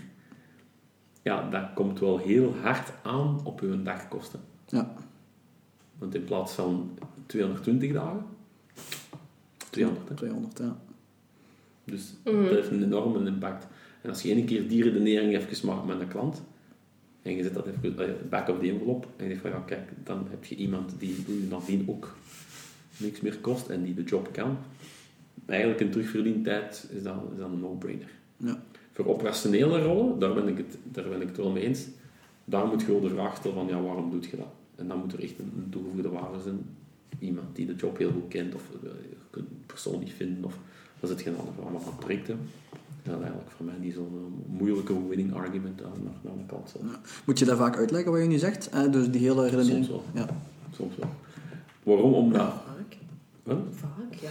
Ja, maar ik denk... ik denk je hebt, er zitten een aantal soort types klanten. Je hebt een aantal klanten die gewoon gaan kijken, ik moet consultants hebben en ik weet dat dat geld kost. en die gaan gewoon kijken wie is eh, eh, prijs-kwaliteit de beste. En daar, daar heb je een heel andere discussie mee. Ja. Je hebt een aantal klanten die eerder zeggen, oef, de consultant pakken, dat is heel duur. Ja, uiteraard moet je dat discours gaan doen. Maar je hebt ook een aantal klanten die zeggen, van, kijk, ja, ik heb hier een, een budget, ik geef dat uit aan, aan de projectmanager van dingen en die, en die moet zijn plan nog trekken. Ik heb deze enveloppen voor dat project te doen en, en die gaan eigenlijk wat minder moeien. En daarom moet je voornamelijk zien, ja, kunnen we dat allemaal binnen die enveloppen wel klaar krijgen. Want dat is dikwijls ook. Maar is dat niet hetzelfde gesprek wat je voert met de projectmanager in plaats van de, de business owner dan? Want op zich, allee, die projectmanager moet zelf ook zijn portefeuille beheren en kijken dat alles binnen scope is en zo verder. Is dat niet min of meer hetzelfde dan? Ja, maar dikwijls, in, in, als je echt iemand hebt die naar de dagtarieven gaat kijken, dan weet je dat je in een time and means opdracht gaat zitten. En dat je eigenlijk weinig verantwoordelijkheid gaat hebben naar eh, completion, naar, naar op tijd opleveren. En dan is het echt gewoon een, een, een, een, een dagtarief of een uurtarief. Je spreekt dat af. Je denkt van, oh, het zal ongeveer een jaar duren. Maar je hebt geen commitment. Binnen jaar moet dat opgeleverd worden. Dikwijls als je echt gaat bespreken met, met een PM of, of in, een, een soort fixed price modus, ja, dan zit je wel, dan moet je zelf ook beginnen natellen. Dan moet je zelf ook voorzien. Dat, is- dat is dan toch weer een andere discussie over Ja. kostprijs. En dan, komt het, dan is het voor hem minder relevant van wat de werknemer hem kost. Dan het moment, kijk, kijk ik dat project voor, voor dat geld. Dus dat zijn toch altijd andere prijsdiscussies voor, voor ons waar wij in zitten. Ja. Maar dikwijls als je die discussie hebt over, over een maand, dan kost het zo duur. Ja, als je dan even back of die envelop doet, dan is het wel zo, hmm, oké. Eigenlijk ik het toch niet over. Meestal zal ik het nog niet bekeken. Ja. Ja. Het is ook gewoon omdat het niet gekend is. Hè? Ja, het, dat is ook niet het, zo jaagt, het, het jaagt gewoon schrik aan bij mensen, heb ik soms een indruk. Ja, ik heb Van, dat ook. Oh, En ik zeker- ken het niet, dus het mag niet. En zeker in Limburg heb ik dat heel fel. Ja. Dus Ja. ik, eh, ik, ik, krijg, ik krijg heel veel telefoontjes voor, voor Antwerpen en Brussel. En daar, Ja. de drempel naar freelance is zeer laag, heb ik de indruk. Ook omdat de vraag zo groot is, maar hier in Limburg... eh, allee, ik, ik werk dan liever iets dichter bij huis, eh, ook omwille van mijn gezin en, en dergelijke. Eh, het, is, het is zeer, zeer, zeer moeilijk om als freelancer hier werk te vinden. Dat is mijn ervaring alleszins. Ja, ik moet zeggen, ja, ik ben nu met mijn onderneming vier maanden bezig. Ik ben de eerste twee maanden bezig geweest met puur prospectie naar klanten in het Limburgse. En dat viel keihard tegen. Hè. Ja. Dat was echt, dat was bitter gewoon. Hè. Eh, en ik heb effectief één dag gezegd, omdat ik, ik zit heel dicht aan de camper uiteindelijk.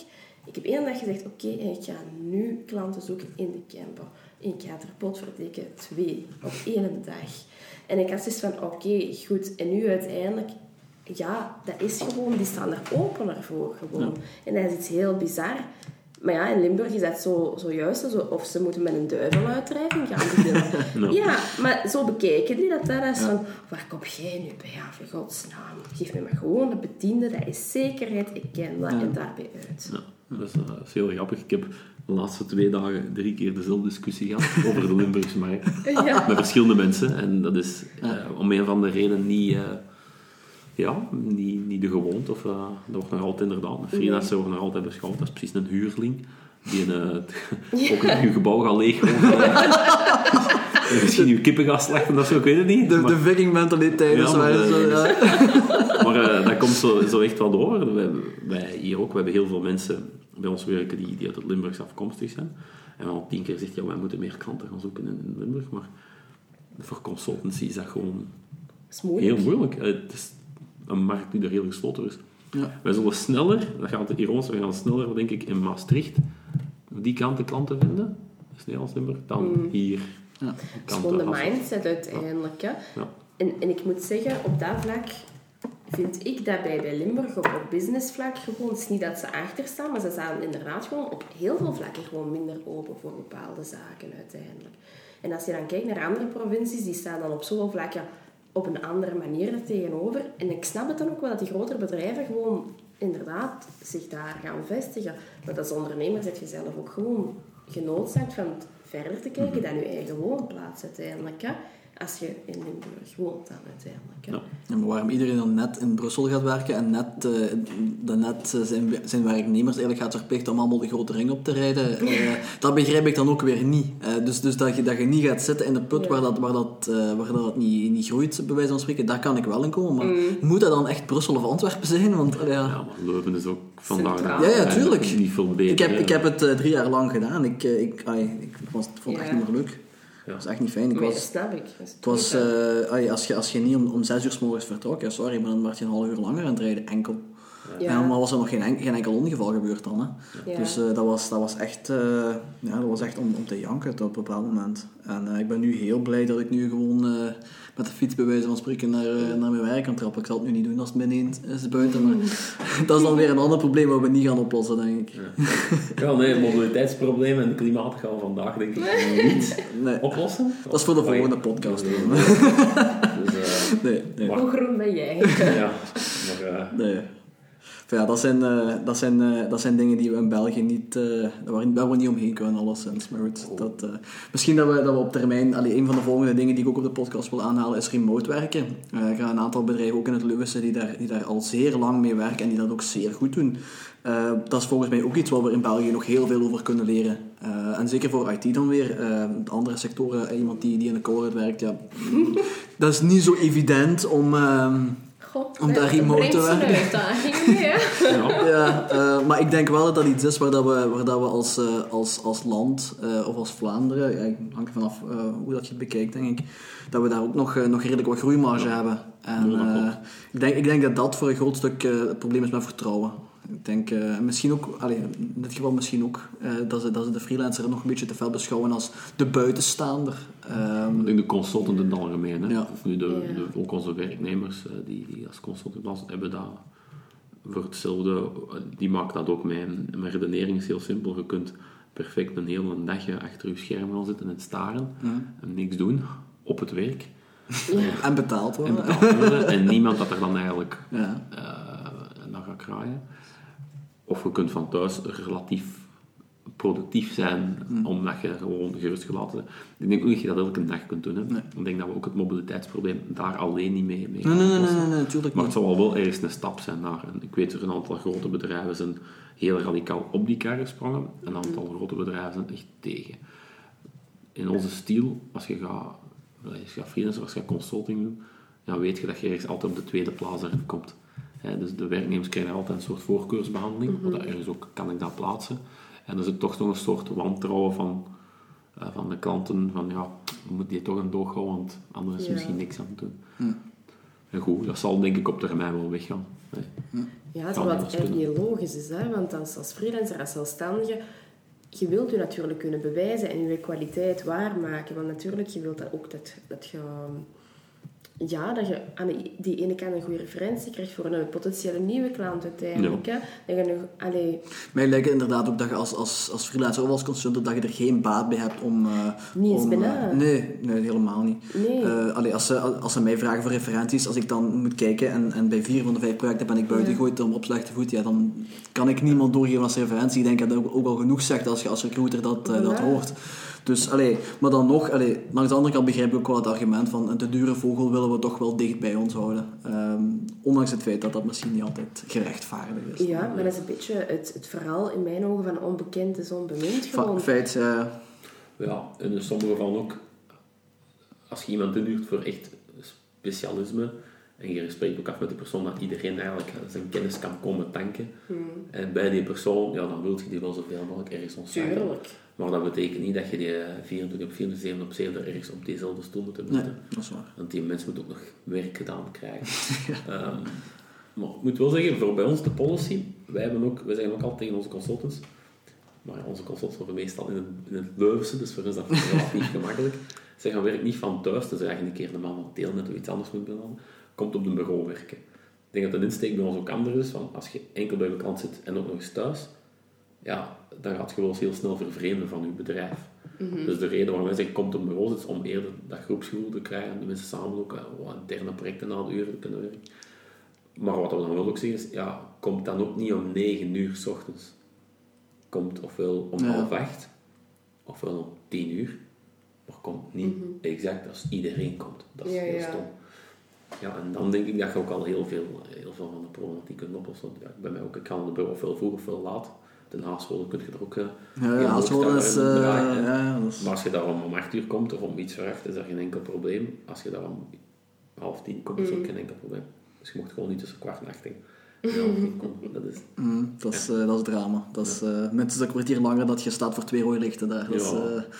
Eh, Ja. dat is, eh, dat is, eh, ja, ik heb bij CGK gewerkt. Ja, Eh, voilà, dat is niet zo ver van wat Nee, dus, dat is, ik, ik, ik weet exact wat je bedoelt. Ja, voilà. En, en, en we zeggen ook van, gaat ook niet om, om, om, om vijf uur kwart naar huis, want dan, eh, dan zit je ook Ja, gewoon zo echt vol op de blijft gewoon langer. eh gaat op de middag gaan lopen als je wilt, er zijn douches en al in, dus dat is allemaal mogelijk. Maar, en ik denk dat dat ook een mentaliteitswijziging die we allemaal gaan moeten doen is, het werk gaat niet meer van dat uur tot dat uur zijn, nee, dat gaat eerder een continuum zijn, waar dat je een aantal privézaken ertussen gaat nemen. Mhm.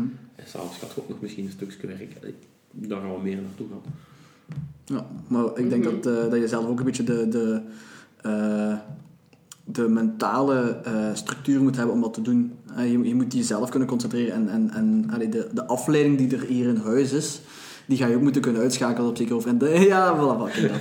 Eh, het, is, eh, het, voor- het, voor- het vergt ook een vorm van training, denk ik, Ja. eh, intern. Maar goed, dat is een, dat is een beetje het afwijken, dat is niet erg. Dat kunnen we met mijn Outlook-training Ah, wel, ja, voilà, kijk. Dat is misschien nog iets waar we, waar we een aparte aflevering van kunnen doen, waar, dat we, waar dat we even een, een, een leermoment doen over hoe dat, dat je de agenda kan, het gemakkelijkst kan beheren. Ehm, zwart. Lisa, ik wil jou nog iets vragen van... ehm, eh, hoe ziet eigenlijk het, de ideale cv van een freelancer eruit? Want een freelancer... eh, soms zit je heel lang op één project, soms heb je op een jaar tijd vijf, zes verschillende projecten. Ja. Ehm, wat, wat zijn de dingen die je als freelancer het best op je cv zet? En waar kijk je als recruiter naar als je de cv van een freelancer ziet? Kijk je zelf nog naar een cv? Of is het gewoon, hij is een freelancer, dus hij is min of meer goed in wat hij doet? Is dat... Ehm, ik denk dat je altijd naar de cv gaat kijken. Maar je moet dat gewoon anders benaderen dan een cv van een bediende. En want als een bediende een epistel op zijn eh, cv heeft staan, ja, dat is dikwijls geen goed teken gewoon. Hè? Of er moet al echt iets, iets ernstigs aan de hand geweest zijn, waardoor het gewoon ja, onvermijdelijk is geweest. Kan altijd gebeuren. Maar bij een freelancer natuurlijk, ja, moet je gewoon een klein beetje gaan kijken. En ik denk ook niet dat je los van de cv enkel uit mag gaan. Nee, nee, Dat vind uiteraard, uiteraard. mocht dat nooit doen. Nu, pas op, als je ziet dat die freelancer echt enkel en alleen maar bijvoorbeeld opdrachtjes heeft van een maand, oké, soms heeft dat een reden, soms heeft dat geen reden. Uh, dan moet je natuurlijk ook even gaan polsen van oké, hoe zit dat hier natuurlijk? Dat is het belangrijkste verhaal. Want soms heeft dat effectief een reden, maar oké, kijk, uh, ik ben effectief gewoon met projecten bezig geweest, telkens keer van maand op maand op maand. Maar dan vind ik het persoonlijk als freelancer slimmer dat je dat wat gaat bundelen op je cv. Dus en niet allemaal in ja. lijntjes gaat gaan zetten. Allee, wees even slimmer daarover. Bundel dat. Hè. Geef dat een bepa- bepaalde groep staan van oké, ik heb dat soort projecten gedaan bij onder andere dit en dit bedrijf. Uiteindelijk hoe ver in detail moet je dan gaan? Want in principe kan je zeggen, kijk, ik heb bij dat bedrijf heb ik dat en dat en dat gedaan. Dat heeft met die technologie te maken. hè, Om, om terug als developer te gaan dan. Eh, dat, waren, dat zijn de dingen die we bereikt hebben op die tijd. Ehm, is, dat, is dat relevant? Of is dat gewoon van, kijk, dat zijn de, de grote bedrijven waar ik gewerkt heb? Of hoe, waar, waar moet je je op concentreren? Qua inhoud dan? Goh, inhoudelijk gezien, hetgeen waar jij zelf het, het meest hebt kunnen bereiken, zou ik sowieso altijd naar voren schuiven. Want u, waar uw talenten het meest benut zijn geweest, uiteindelijk sowieso naar voren schuiven. Want dat is het belangrijkste uiteindelijk. En die moet je uiteindelijk nog altijd in de spotlight gaan zetten. Als je uiteindelijk ergens een, een projectje hebt gedaan wat inderdaad in mindere mate belangrijk is geweest, die moet je natuurlijk ook niet naar voren gaan schuiven in, in je cv uiteindelijk als freelancer. Dat heeft uiteindelijk ook geen nut, want dan gaat zelfs de recruiter zich daarop gaan focussen. En dan gaat misschien heel uw waarde in een heel ander daglicht gesteld worden, terwijl dat eigenlijk ook gewoon niet de bedoeling was. Dus simpelweg, stel je, je werkt bij, bij bedrijf A of bij bedrijf B, maar bedrijf B heb je wel, ja, ehm, uiteindelijk ja, verantwoordelijkheid gehad, leiding van een project meegedaan. Met bedrijf A heb je wel meegewerkt aan het project. Ik zou bedrijf A zeker en vast nog wel vernoemen. Maar ik zou wel de voorkeur geven aan bedrijf B en daar meer op die inhoud gaan liggen specialiseren. Ja. Is opleiding nog relevant? Als je, eh, stel dat je hebt 15 jaar ervaring als consultant of freelancer of werknemer, is dat nog relevant? Als je zegt van kijk, ik heb op die universiteit gestudeerd over die afstudierichting 15, 20 jaar geleden, kijk je er nog naar? Ehm, nee. Nee. Ik kijk wel naar de continuïteit van of ze zich blijven bijscholen. Want dat is ongelooflijk belangrijk gewoon. En hoe zie je dat aan een cv? Niet. Je moet gewoon een dialoog voilà, oké, het is dat. Ja. Ja, eh, en dat is het belangrijkste aan, aan dat hele recruitmentproces, vind ik, dat dialoog ook aangaan en durven aangaan en gewoon ook gewoon moeten aangaan.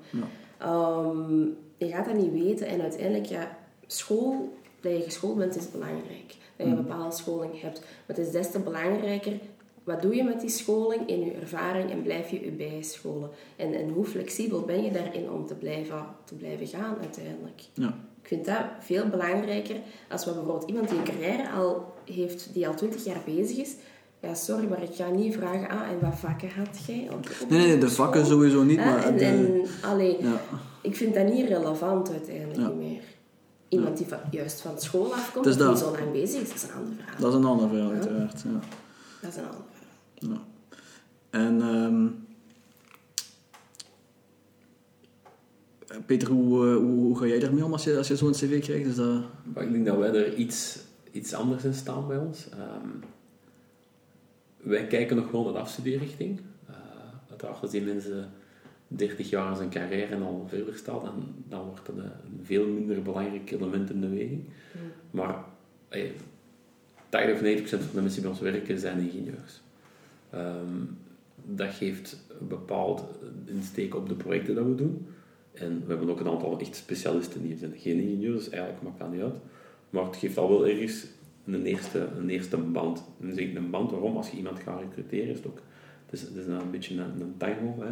Mhm. Je moet ook mensen wat proberen charmeren. En ik denk veel ingenieurs, dat is net zoals IT'ers, een, een, zo wat een, een, een ras apart. en um, die, die, die, Ah, wat wil je daarmee zeggen? die aarden goed bij, die, die aarden goed bij soortgenoten. Zullen het zo gewoon eh, op die manier dus ik ben zelf er ook in, dus ik mag, dat, ik mag mijn eigen erin beschuldigen. Ehm, maar dat betekent ook, dat is ergens een eerste aanknopingspunt. Ehm, nogmaals, je gaat inderdaad niet vragen van, eh, zeg, eh, hoeveel had ik op eh, Ja. analyse destijds. Maar ehm, je- dat is een eerste aanknopingspunt. Voor mensen met minder ervaring is dat heel belangrijk. Voor ons. Mensen tussen de 0 en 5 jaar gaan we er echt naar kijken. Wat ook logisch is uiteindelijk. Ja, maar pas op, maar vijf jaar ervaring kun je al heel veel leren, want dat is evenveel als een universitair diploma halen, bij spreken. Dus het kan zijn dat je zelfs al meer hebt geleerd Ja, in die, eh, in die, die werkcarrière dan anoniem. Ik denk voor, heel specifiek voor een IT'er, en het gaat ook nog twee vragen eigenlijk van hoe moet de cv eruit zien. Ik persoonlijk, ik heb graag, ik heb zelf voor mezelf ook twee cv's. Ik heb een korte cv en ik heb een lange cv. Altijd mensen die graag naar het detail gaan, maar ja, maar wat heb je daar juist gedaan? En welke technologie? Dan kun je dat allemaal oplijsten en dan welke versie van. Allee, Ik denk, als ik consultants raad ik altijd aan, kijk, we gaan onze competence farmen. Dat is echt een, een heel dossier waar dat je elk project in, in, in toelicht. En dan kun je nog altijd schrappen wat dan niet interessant is. Maar je hebt ook bij een one-pager waar dat je in grote lijnen zelf beschrijft. Dus zo kijken wij ook naar een cv, want als je een lange cv hebt, ja, wat kunnen we daaruit halen dat interessant is? En dan gaat je op verschillende elementen screenen. De, de type project dat ze gedaan hebben, effectief referenties, staan er referenties op. Hoe lang hebben die projecten geduurd? En een zelfstandige. En bijvoorbeeld heel specifiek voor iemand die, die safety eh doet, of echt veiligheidscoördinatie, we zien dat soms. Die hebben 300 projecten, twee jaar. Dus in het begin was ook zoiets van, oei. Want wat is daarmee gedaan? Maar nee, die volgen gewoon heel veel dingen tegelijk op. En die zeggen van, gewoon, kijk, zo'n type werven, die referenties, zo'n type werven, die referenties. Eh, iemand die, een, ontwikkelaar die overal maar een maand blijft, Ja. Dat is riskant, alleszins, ja. Risky business. Ja, ja, ja, meestal wel. dat- Meestal wel kan ik ergens in komen. Ja. Eh, maar het is daarom, allee, sowieso is het, is het ook, allee, mij leek het alleszins loger. En, en ik was met mijn cv bezig, hè, een tijdje terug, dat, dat, dat werd gewoon langer en langer en langer. Op een gegeven moment zat ik aan vier pagina's, dacht van ja, dit, dit kan niet de bedoeling blijven zijn. Eh, van, vandaar dat ik ook zo, zo een beetje aan het denken van, wat, wat moet ik hier nu juist mee doen? Eh, allee, plus het feit, je moet dan op LinkedIn moet je het onderhouden, je moet dan de cv zelf onderhouden. En dan heb je nog verschillende jobsites. eh, waar dat je dan eigenlijk nog alle keer, elke keer hetzelfde moet ingeven. Eh, dat is ook weer zo'n heel, eh, een heel gegeven. Eh, maar goed. Ehm, kijken jullie anders naar een cv als daar bijvoorbeeld op staat, ik heb van dan tot dan een onderneming gehad en, en die is, eh, pak nog dat erbij staat mislukt, kijk je daar anders naar als je dat ziet? Of, of, of is dat niet, niet echt iets bijzonders?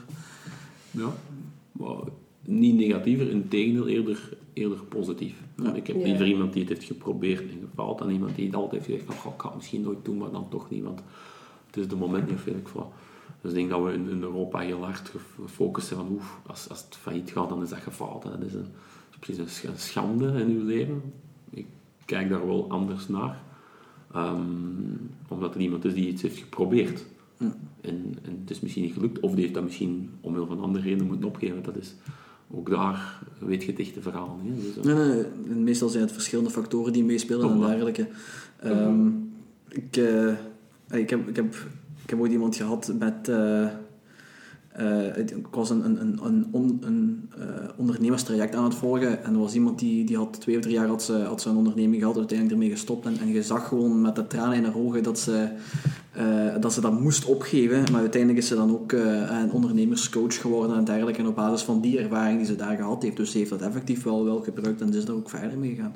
Eh, en ik vind het ook wel heel mooi, eh, heel mooi dat ze dat gedaan heeft. Ehm, langs de andere kant merken we altijd heel veel, en dat is in alles zo. Hè.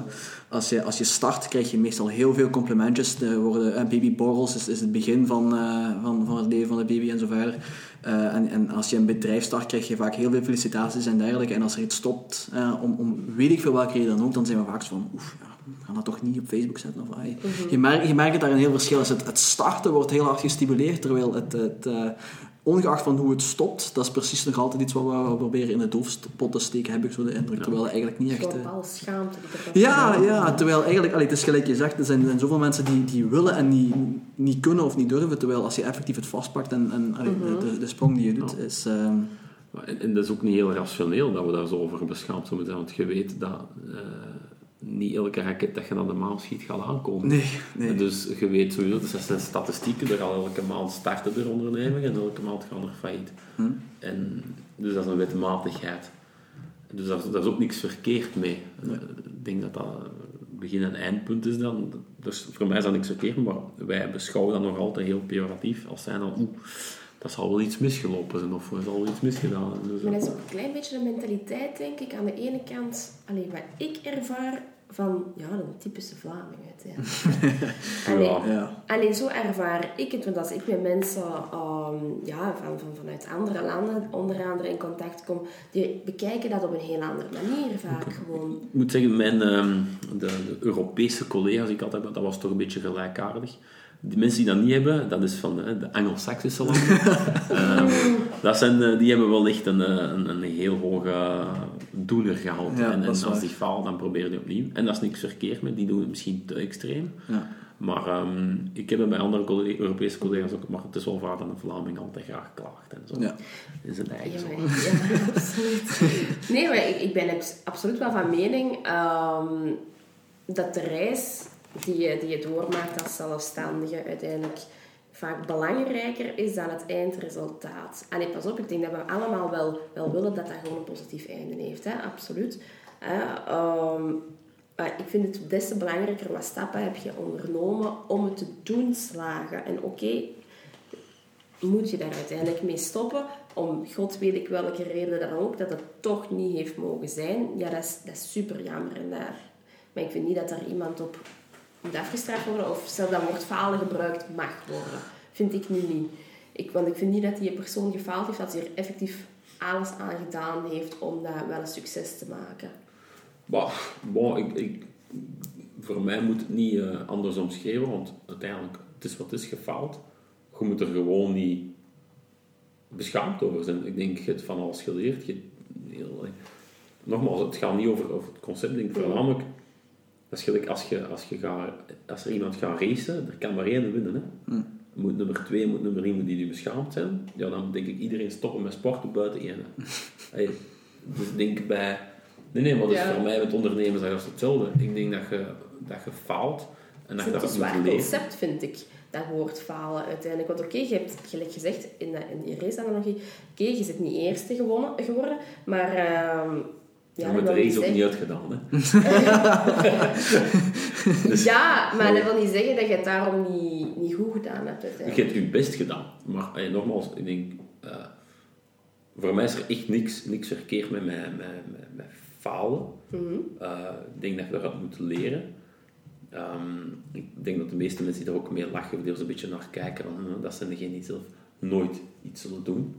Ehm, en ik denk dat de grootste ondernemers waarschijnlijk voortkomen uit mensen die, die al echt redelijk wat gefaald zijn en die dan zeggen, oké, nu gaan we Ja, wel even... Maar dat is de connotatie die je eraan geeft uiteindelijk. Hè. Dat is dan een, die ondernemers die je beschrijft, dat is zo'n beetje het fail-forward prin- principe dan uiteindelijk. En dat is er een positieve draai aan geven. Maar ik vind het, het woord falen, gelijk we hier in Vlaanderen vaak gebruiken, dat is nog direct een negatieve domper. En je bent een mislukkeling en het is, u, het is u echt gewoon mislukt en je gaat er niet meer in slagen. In de plaats van die ondernemers uiteindelijk die inderdaad zeggen, want ik heb zo mensen nog op LinkedIn die nu CEO zijn van, eh, van een groot bedrijf uiteindelijk die negen ondernemingen het moeten opstarten. Hè, vooraleer dat die met, met deze onderneming uiteindelijk En uiteindelijk, dat is dan wel dat fail-forward principe. Die je zegt, oké, deze is niet gelukt, maar ik heb hier keihard uit geleerd. En ik ga door. Maar het is wel fail forward. Ja, ja, ja, maar dat is wel met een positievere connotatie. In plaats van gewoon die fail te hebben. Maar ik, Ik vind daar een verschil in zit. Een groot verschil zelfs. ik denk voor mij gaat het niet over, over de connotatie en over het feit hoe dat je het wilt noemen. Ik, ehm, ik zie voornamelijk een, eh, een, een cultureel probleem. Het feit dat mensen dat echt beschouwen dat dat eh, falen is bijna misdadig. Dat wordt per definitie al ergens zo van... Er zal iets, iets verkeerd gebeurd, er zal niet goed gedaan. En ik volg u wel dat heel veel mensen echt wel hun best hebben gedaan en dat het dan desondanks niet lukt.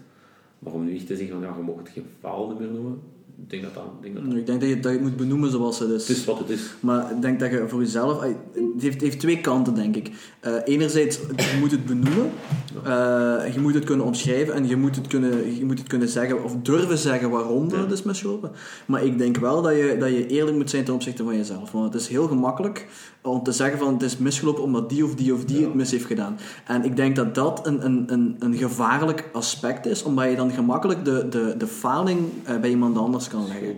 Ja, ja, Ehm, maar ja, zeggen dat het niet gelukt is, wil daarom niet zeggen dat je het in iemand anders schoenen gaat schuiven. Nee, nee, nee, nee, Dat maar- het gewoon niet herkennen. hè. Nee, maar allee, om, er, om er een heel concreet voorbeeld te geven, enfin, het is hypothetisch, maar dan nog. eh, zeggen van, je hebt je best gedaan. Enfin, je kunt over jezelf zeggen dat je je best hebt gedaan. Mhm. Eh, maar als je, eh, als je je product hebt zitten verkopen aan de verkeerde markt, is dat dan echt je best? Ja, nee, eigenlijk heb je niet goed de analyse gedaan. Eigenlijk heb je niet goed gekeken naar wie je product eigenlijk nodig had. Eh, en allee, dan, dan eh, komt het er uiteraard op neer hoe dat je definieert. Ik heb mijn best gedaan. Eigenlijk had je dat en dat beter kunnen doen. Dat En- is ook zo, maar dat is wel een heel extreem geval. Hè? Ja, nee, ik ga nee, er wel vanuit, als je een zaak start, dat je op voorhand wel je analyse doet van En de hoeveel, hoeveel Dat mensen is- denk je dat dat... Dat is denk ik een, een die niet helemaal, Ja, ik, helemaal ik opgaat. ga voor Ja. mijn eigen daar gewoon vanuit. Hè, moest ik geen analyse gedaan hebben, geen onderzoek gedaan hebben, niet gedacht hebben dat het enigszins mogelijk was, had ik het niet gedaan. Uiteraard, maar het, het- ik, ik wil ook niet zeggen dat, dat mensen klakkeloos beginnen. Ik wil gewoon zeggen, er is een heel groot verschil tussen, tussen aan iemand gaan vragen, zeg, ik heb dit idee, eh, als ik dit ga doen, wil je er dan voor betalen? En als die persoon zegt ja, dan zeg je, en stel dat je het wacht aan 10 man, 700 per 10 man zeggen van ja, we gaan daarvoor betalen. Ja. En je zegt ja, en je begint, hè? Of effectief naar die persoon toe gaan en zeggen van kijk, hier is het, geef mij 10 euro of geef mij 25 euro en je krijgt het. Want dan merk je heel vaak, dan zeg je van ja, dit, is maar niet. Of nee, ik heb het toch niet nodig. Ja, ik, ga- ik heb er eens over nagedacht en het past toch niet. Eh, dat is een heel groot verschil. En ik denk dat, dat, dat veel mensen daarop ook misgaan. En, en dan, dan is het eigenlijk, eh, eigenlijk is het dan niet zozeer hun eigen schuld, maar eigenlijk is het dan gewoon dat ze niet goed genoeg geïnformeerd geweest zijn. Want er is een heel groot verschil tussen effectief het geld geven en zeggen dat je het gaat geven. Dat is niet hetzelfde, vind ik. En eh, dat is... Dat is om nu niet de hele discussie van de vorige keer opnieuw te herhalen, maar daar heb ik zelf ook zeer veel eh, miserie mee om, om, om die stap eh, te overbruggen. Ehm, en, en ik vind dat dat... Dan moet, je- dan moet je kunnen, ehm, dan moet je kunnen zien, inzien en aanvaarden dat dat, dat dat iets is wat jij mis hebt gedaan. En dat moet je ook durven zeggen, vind ik. Ja, maar dat, dat is... Ik, allee, ik denk dat, dat, dat ik mijn eigen misschien verkeerd uitdruk. Ik zeg niet dat je niet meer mag erkennen dat je iets beter had kunnen doen. Maar ik vind het woord falen in de manier waarop het vaak gebruikt wordt, ik vind dat gewoon, en ik blijf daarbij, een compleet verkeerde connotatie. Dat is, is dat fout is uiteindelijk. Dat falen is niet fout, hè. Het is een Oh. leermoment. Dat is eigenlijk eh, Allee, meer geld wat je betaalt. En zo wordt het vaak wel bekeken. Je wordt gewoon afgestraft omdat je uiteindelijk iets fout hebt gedaan. Had je dat kunnen beter doen? Absoluut. 9, 9 kansen van 10 kun je alles beter doen. Kun je blijven verbeteren. Hè? Ehm, maar ik vind het gewoon een verkeerde connotatie dat je je effectief gaat moeten gaan beginnen schamen omdat je iets fout gedaan hebt of iets Nee, beter is kunnen sowieso... doen. Ehm, Ik denk dat we het daarover eens zijn. Hè. Ik denk dat, we, ik denk dat het punt dat we vanavond komen maken, dat is misschien een miscommunicatie. Het leven gaat over winnen en verliezen en je gaat meer verliezen dan winnen. Ja. En vandaag de dag is dat precies, er is eh, een, een, dogma van dat dat niet mag gezegd worden, maar dat is met ondernemen juist. Hetzelfde, je gaat meer verliezen dan winnen. En dat zijn denk ik de, de statistieken. En ik vind het een interessant punt wat je er juist zegt, en dat is een beetje de, de paradox van het grote gelijk. Als ondernemer moet je enerzijds keihard in je product geloven en er groots vast van overtuigd dat dat het beste is. En dat maakt je soms blind Ja. voor de input van de rest van de wereld. Die zegt van, dit is echt niet wat dat je moet doen. Je moet die filter kunnen hebben. Je moet enerzijds de, de negatieve feedback moet je kunnen filteren en die aan de kant leggen. Anderzijds de dingen die wel juist zijn, moet je kunnen herkennen. En dat is, dat is een, een zeer, zeer moeilijke eh, ervaring en, of, of oefening, denk ik. Ja, maar het- je moet jezelf ook constant een bepaald proces Ja. opnieuw plaatsen. Ja, ja, ja. Van, van uw, e- eigenlijk zou je, uw, ehm, zou je zelf, uzelf eigenlijk de grootste kritiek moeten geven Ja. van ze allemaal. Als je juist bezig bent. Want tuurlijk, oké, je moet inderdaad geloven in hetgeen wat dat je doet, want anders moet je het niet doen. Hè, simpel. Maar aan de andere kant moet je ook gewoon, ja, simpelweg de balans durven opstellen uiteindelijk. Als dingen niet werken, dat dat bijgestuurd moet worden. Ja. Klopt. Heb je ooit het gevoel gehad dat eh, dat, dat misselde was, Peter, bij jou? Of is dat, is dat vrij snel blijven lopen en... eh, Wij hebben ja, nogmaals hout vasthouden. Altijd van, van dag één een heel positieve evolutie gehad. Eh, wij zijn zelfs op een bepaald moment proberen wat te, te remmen op de groei, omdat we het echt niet meer konden bolwerken. En dat is vandaag weer een van de stappen. We moeten, moeten gewoon zien dat we eerst wat stabiliseren we verder gaan, omdat we aan de achterkant alle processen nu moeten professionaliseren. U wel bekend. Ehm, ja. En ja. en echt de, de, de, de schrik van het gouden remslopen, dat hebben we tot nu toe nog, nog niet gehad. Ehm, en je mocht daar ook niet bij nadenken. Allee, ik denk, als je dat te veel doet, dan, dan, dan gaat je allee, verlamd worden door, door angst en dan gaat je beginnen indenken tegen alles, alles wat mogelijk is. Ik denk dat je nog te weinig investeert in de groei, in de groei van je mensen, de groei van je bedrijf en de groei, ook in je eigen groei. Dan moet je zo wat te, te hoorden, zo vast af te schermen en probeert je zoveel mogelijk eruit te halen. En dan, Ja. en ik denk dat je dan effectief druk gaat zetten op iedereen om zo, zo maximaal mogelijk, efficiënt mogelijk te werken. Ja. Nee, dus tot nu toe, hout dat is niet uit. Goed, het is gewoon dat we, goed, goed dat we nu een goede houten tafel hebben. Ja, voilà. voilà. Dus, eh, nogmaals, ik herinner mij eh, 2008 en dan dat was al even zo van, hmm, de wereld komt precies tot een einde. eh. Ja. Dus, uh, Ja. maar, Dus daar zit je het nog altijd zitten om zo eh er blijven voor te gaan, ja? Ja, je kunt niet anders, hè. Nee, pas op, ik heb mijn onzekere momenten, absoluut. Ja, ja, ja, hè. dat ik soms heb ik een avond dat ik echt denk van en nu ga ik gewoon ermee stoppen. Ik, nee, ik wil het niet meer. En dan vijf minuten later heb ik zoiets van God lieve deugd, Lisa, wat zeg jij? Nee, we Ja. moeten gewoon blijven gaan. Dit is wat je wilt, dit is waarvoor je aan het streven bent uiteindelijk. Maar ja, dat, dat weerhoudt natuurlijk ook niet dat ik mijn eigen, ik heb dat van een week nog gedaan, dat ik echt soms momenten moet, moet pakken om te zeggen van oké, pak ik het op deze moment wel juist aan. Ja. Want uiteindelijk, ja, het, alles is constant nieuw, ongeacht dat je je business kent. Het is toch nieuw en, en je, begeeft je constant in altijd veranderende omgevingen. En ik vind dat ook gewoon belangrijk. Um, ik kreeg van de week een opmerking dat iemand zei tegen mij van... Oh, zou je het toch niet op zo'n manier aanpakken? Um, allee, dat, dat ik eigenlijk een stuk van mijn principe, van mijn bedrijf, eigenlijk helemaal zou moeten omsmijten. Ik heb daar denk ik een halve dag over van, zou dat winstgevender zijn? Zou dat werken? Ja, nee. Ik ben tot de conclusie gekomen van... Die heeft misschien een punt dat dat ook gaat werken. Ja. Maar dat is niet wat ik wil. En dat is niet het concept wat ik voort wil dragen. Ja. En dan heb ik ook zoiets van... Ja, kijk... Dat, allee, dat blijft gewoon wel belangrijk. En uiteindelijk, hè, van gewoon je eigen gedachten blijven doen. Hè. Ja. Maar dat is, dat is vergrappig, want dat is eigenlijk weer een beetje die, die paradox van dat grote gelijk. Je moet zelf er hard genoeg in geloven, je moet je eigen concept echt...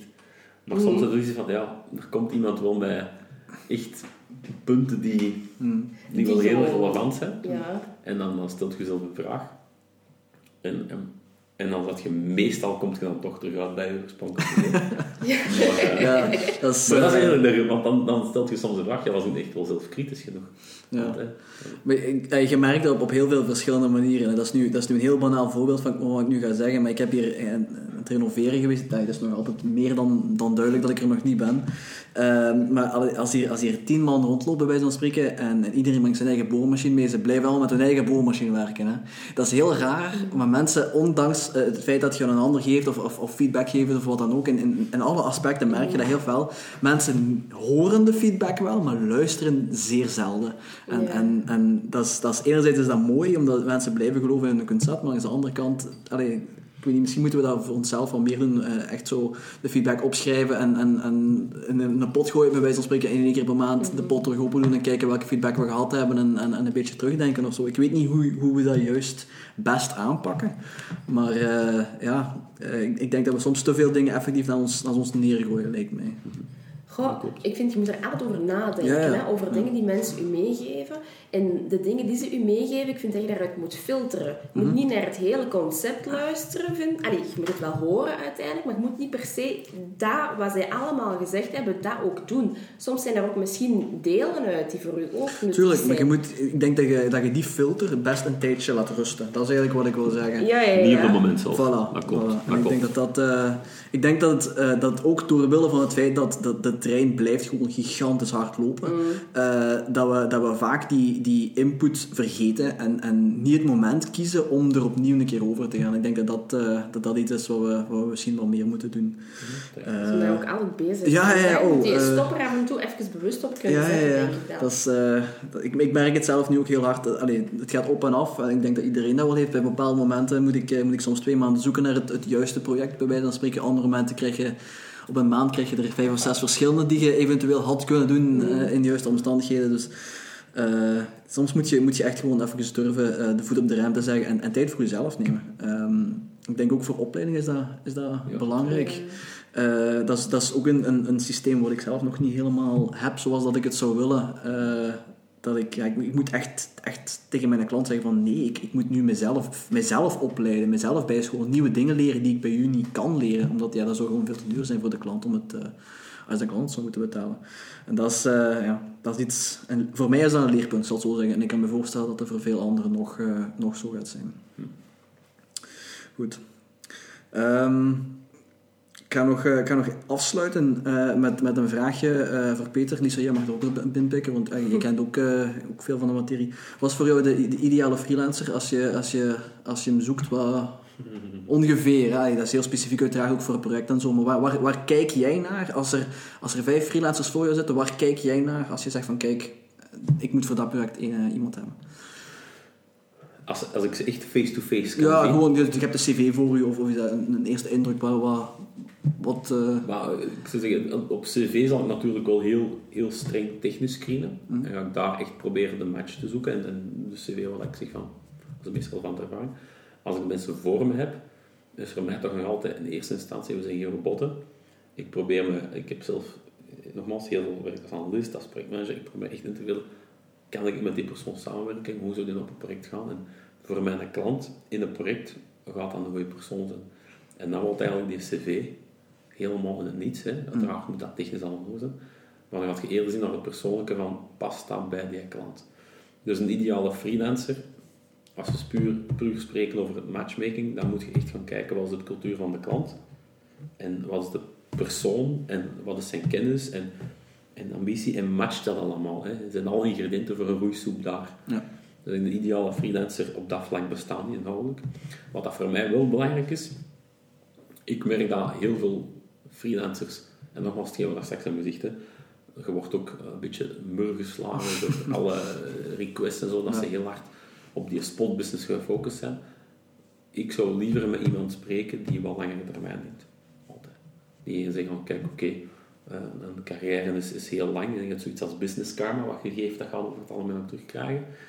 En dat is dan misschien niet voor volgend jaar, misschien het jaar nadien of, of, of een jaar later. Sowieso, wij kunnen ooit nog samenwerken. En dat is eerder de mentaliteit dat wij naar zoeken. Lisa, voor jou was... eh, ah, ik veronderstel dat je, dat je akkoord bent met, met hetgeen dat Peter zegt, dus het klinkt ook logisch allemaal. Eh, maar als, als, als, als puur technische recruiter die vaak de mens, de persoon niet, niet voor zich kan hebben in een gesprek, waar, waar kijkt die zo doorgaans naar? Goh, ik, ik, vind dat, ik vind dat een delicate, want het is altijd, je gaat altijd in eerste instantie naar de cv Ja, ja. Eh, ehm, maar wat ik altijd heb geprobeerd, ehm, is toch die persoon even gewoon aan de lijn krijgen. Al Ja. is dat maar twee minuten. Maar het is ook inderdaad omdat je ook heel veel naar die cultuur gaat kijken van je klant. Past die persoon daar? Tuurlijk, die kennis is belangrijk. ja, maar uiteindelijk, die mens moet daar ook passen natuurlijk. En ik vind, je kan heel veel afleiden als je die gewoon nog maar twee minuten al gehoord hebt. Als aanvulling aan die cv Ja, uiteindelijk. Um, dan heb je die nog niet, niet voor je gehad, maar daaruit kun je al een eerste selectie maken. En ik heb dat altijd wel proberen te doen. En dat is een bepaald gevoel wat je krijgt bij die mens en een aanvulling. En dan weet je al, gaat dat kloppen, gaat dat niet kloppen? Gaat, allez, is het nuttig om die persoon uit te nodigen? Ja of nee? Is dat iets nuttig voor de klant? Daar kan je al heel veel uit opmaken uiteindelijk.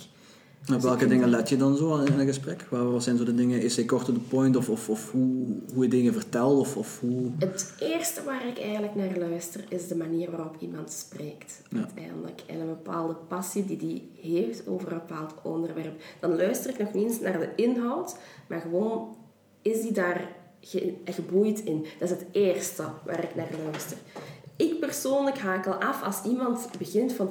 Oh, ja, oké, ja.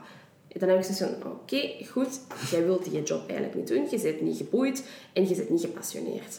Niemand van de partijen heeft daar uiteindelijk baat bij. Uiteindelijk. Herken je dat als, als bijvoorbeeld, stel je belt toevallig op een slecht moment, dat je zegt van eh, iemand is druk bezig of zo, dat je die ernaar terugbelt? Of is dat gewoon, we gaan naar de volgende en misschien ooit een... Ik vraag dat eerst altijd wel. Ik vind dat wel belangrijk, want ik op een slecht moment ben ook nee, nee, niet hetzelfde als op een goed moment natuurlijk. En het eerste wat ik vraag altijd is van, van bel ik u op een goed moment? Als je dan zeggen van, oh ja, dat past, super, dan kunnen we even het gesprek voortzetten. Zegt hij van, ja, kijk, nee, dan vind ik dat ook wel belangrijk. Als je zegt dat je gaat terugbellen, dan ook terugbelt. Ja, effectief, afspraken nakomen. Ja, je moet dat ook doen. Ik vind ook zoiets van, ja, ik wil dat ook naar mij dat dat gebeurt. Dus ik ga het ook naar andere mensen toe doen. En uiteindelijk, dat is ook een bepaalde partnership uiteindelijk. Je wilt die mensen u vertrouwen. En uiteindelijk, hoe kan jij naar uw klant uh, die garantie geven als je dat naar naar de, de kandidaat zelf al niet kunt doen. Ja. Dan heb je liever dat mensen tegen jou ook gewoon zeggen van kijk, nu niet bel mij binnen een uurtje of binnen of morgen. Veel liever. Ja, ja. Ja, en dan noteer ik dat in mijn agenda en uiteindelijk als je tijd hebt, je bent rustiger, je kunt helderder nadenken, dan beeld je in dat je geïrriteerd de telefoon opneemt. Ja, tuurlijk, uiteindelijk. tuurlijk. Ja, en op die manier twee minuten met mijn gesprek aangaat, wat een indruk ga ik krijgen. Mm Dat is niet, niet nuttig geweest dan, hè? Ja. Nou, oké, dan stel dat je daar wel in, uh, in kan volgen, Peter. Nee, dus dat. Ik heb ook nog een vraag voor jou. Ah, we gaan sorry. Nee, wat dat, hè, want terug het, het andere kant van het tafelfenomeen. Hoe ziet jij je carrière eigenlijk als freelancer? Eh, Denk, is dat iets waar dat je actief over nadenkt of niet? Eh, ja, ja. ja, ja. Eh, eh, ik, moet oppassen wat ik zeg, omdat ik ben, ik ben de constant in heel het verhaal. En, dit is net dezelfde discussie die ik vorige keer nog gehad heb. Ehm, Maar wat, dat kunnen jullie niet weten, uiteraard. Nee, mijn, mijn carrière als freelancer is, eh, is, is van tijdelijke aard, dat weet ik. Dat weet ik. Ik voel dat aan, aan alles wat ik doe. Dat ik, dat ik tot op zekere hoogte afknap op de, de repetitiviteit en de herhaling die ik, die ik merk in de job. Dat is, dat ehm, want uiteindelijk, zoals ik mezelf beschouw, eh, is, is als freelancer ben je eigenlijk gewoon een werknemer die gewoon een beetje meer kost en die zelf een beetje meer papierwerk heeft. Eh, als, als consultant dan bedoel ik dan. Eh, dat, is, dat is de ervaring die ik daarmee heb, omdat je uiteindelijk, je draait mee in het team, je, je biedt meerwaarde, je denkt mee. In mijn geval, het bedrijf waar ik nu werk, ehm, ben, ik, ben ik de enige in-house IT'er. Ehm, dus ik kan heel veel technische bijdrage geven, ik kan ook conceptueel meedenken en zo, dat vind ik heel leuk. Eh, als ik in, een groot bedrijf eh, terecht zou komen, zou dat heel anders zijn. Ehm, maar voor mij blijf ik nog altijd een beetje de gewone werknemer. En op zich, freelance is, is altijd voor mij een tussenstation geweest. En ik wilde dat doen omdat ik... eh, Dat had, dat heel veel financiële voorbeelden, ook met de leen van, van mijn woning en dergelijke. Dus daarom ben ik met de onderneming gestart. Maar in principe wat ik zou willen, is doorgroeien naar echt een volwaardige ondernemer. En niet zozeer een, freelancer, want daar is een heel groot verschil tussen, naar mijn mening. Eh, en, en die een eigen product heeft of een eigen dienst heeft. En wat dat, dat juist is, eh, dat weet ik nog niet. Eh, ik hoop dat ik daar heel snel duidelijk in heb, maar dat kan goed zijn dat dat nog tien jaar op zich laat wachten, ik weet het niet. Maar voor mij, allee, ik, ik doe het heel graag. Eh, ik leer er heel veel uit, zeker als ik eh, in de, de start-up cultuur kan zitten. Dat vind ik nog altijd het interessantste, omdat, omdat je daar van alle, van alle aspecten van, van de business een beetje, een beetje meekrijgt. Ehm, ik, heb, ik heb bij CGK gewerkt, daar had ik dat veel minder. Toen was ik werknemer, was ik niet als freelancer, maar dan nog. Allee, je merkt dat je, dat, je, dat je in de routine terechtkomt. Dat je, dat je niks ziet van alles wat er rondom gebeurt en dat je eigenlijk gewoon het, het, het rad bent in de molen. En dat, dat vond ik niet leuk. En dan sta ik veel liever in, in die kleine cultuur waar dat ik eh, zelf ook nog de sturing kan doen en waar dat ik mijn eigen droom waarmaak. Eh, en niet zozeer die van iemand anders. Dat is, eh, dat is hoe mijn traject er, hoop ik, uit gaat zien. Maar ik moet, ik moet het project nog, of het product, ik zal het zo zeggen, nog vinden waar dat ik mij eh, met mijn volle gewicht kan tegenaan gooien en waar dat ik niet eh, binnen de eerste twee, drie weken of maanden zeg van, ja, hm, misschien toch niet. Ja. Want dat is geen moeilijk evenwicht, hè, want dat is de, de, dan soms een beetje de gouden kooi van, van het freelancer zijn. Maar je verdient goed je boterham. Eh, maar er is geen schaalbaarheid buiten je eigen Nee, uur. klopt. Ja, ja, Dus dat is- denk, elke tijd dat je spendeert aan anonimiteit, dat weet ik nog van destijds, dan...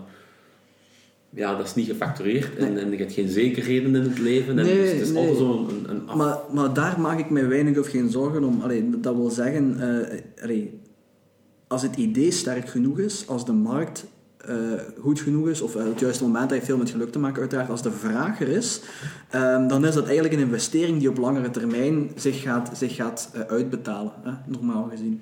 Ehm, en, en je gaat daar nooit op voor, want weet je, gaat altijd zelf een beetje het risico moeten nemen, je marktanalyse goed doen, de sprong durven wagen, heel belangrijk.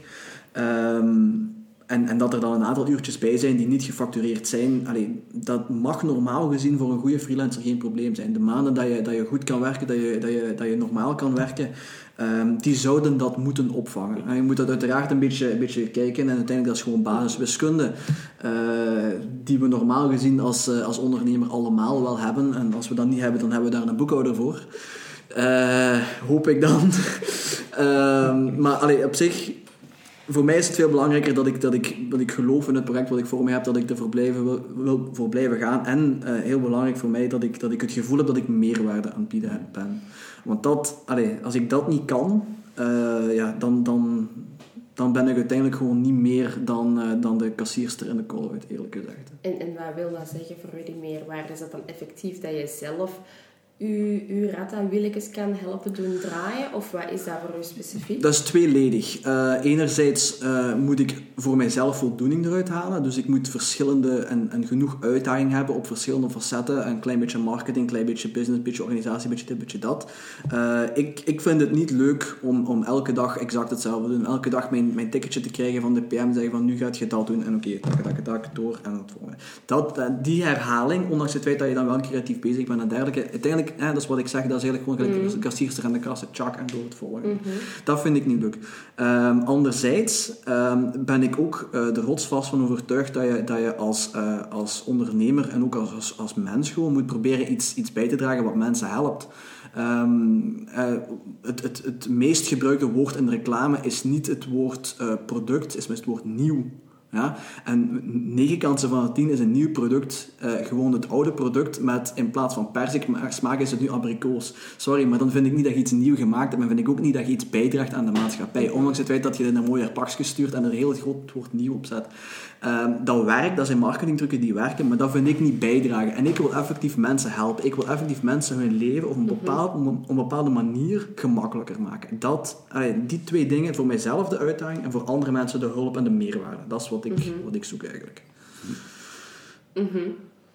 Theorie, hè, praktijk. Ja, de praktijk kan moeten uitwijzen Ja, ja, ja, ja. welk van de twee dat je het meest gaat terechtkomen. Het kan altijd een combinatie. Tuurlijk, tuurlijk. En, en ik wil ook niet zeggen dat... eh, het is daarom niet altijd zo dat, eh, dat hetgeen dat jij denkt of hetgeen waar jij goed in bent, dat dat een grote meerwaarde heeft. Hè.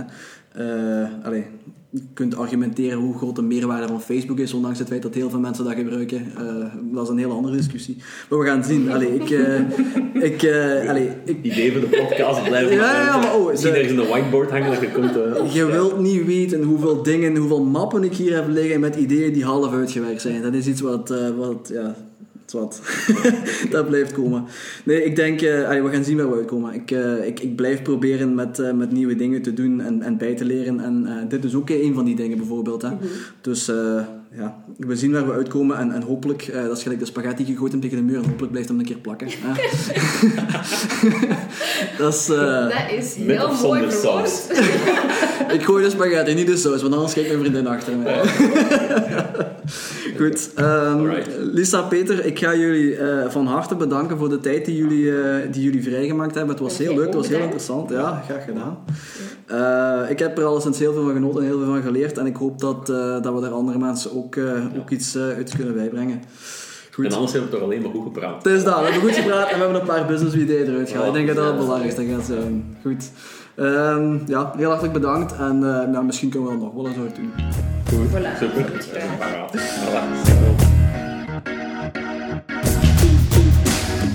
Hallo allemaal en bedankt voor het luisteren naar deze aflevering van de Business Mindset Podcast. Hopelijk was het voor jou net zo interessant als voor ons tijdens het gesprek en heb je er één of meerdere dingen kunnen uithalen voor jezelf of om anderen te helpen in hun onderneming.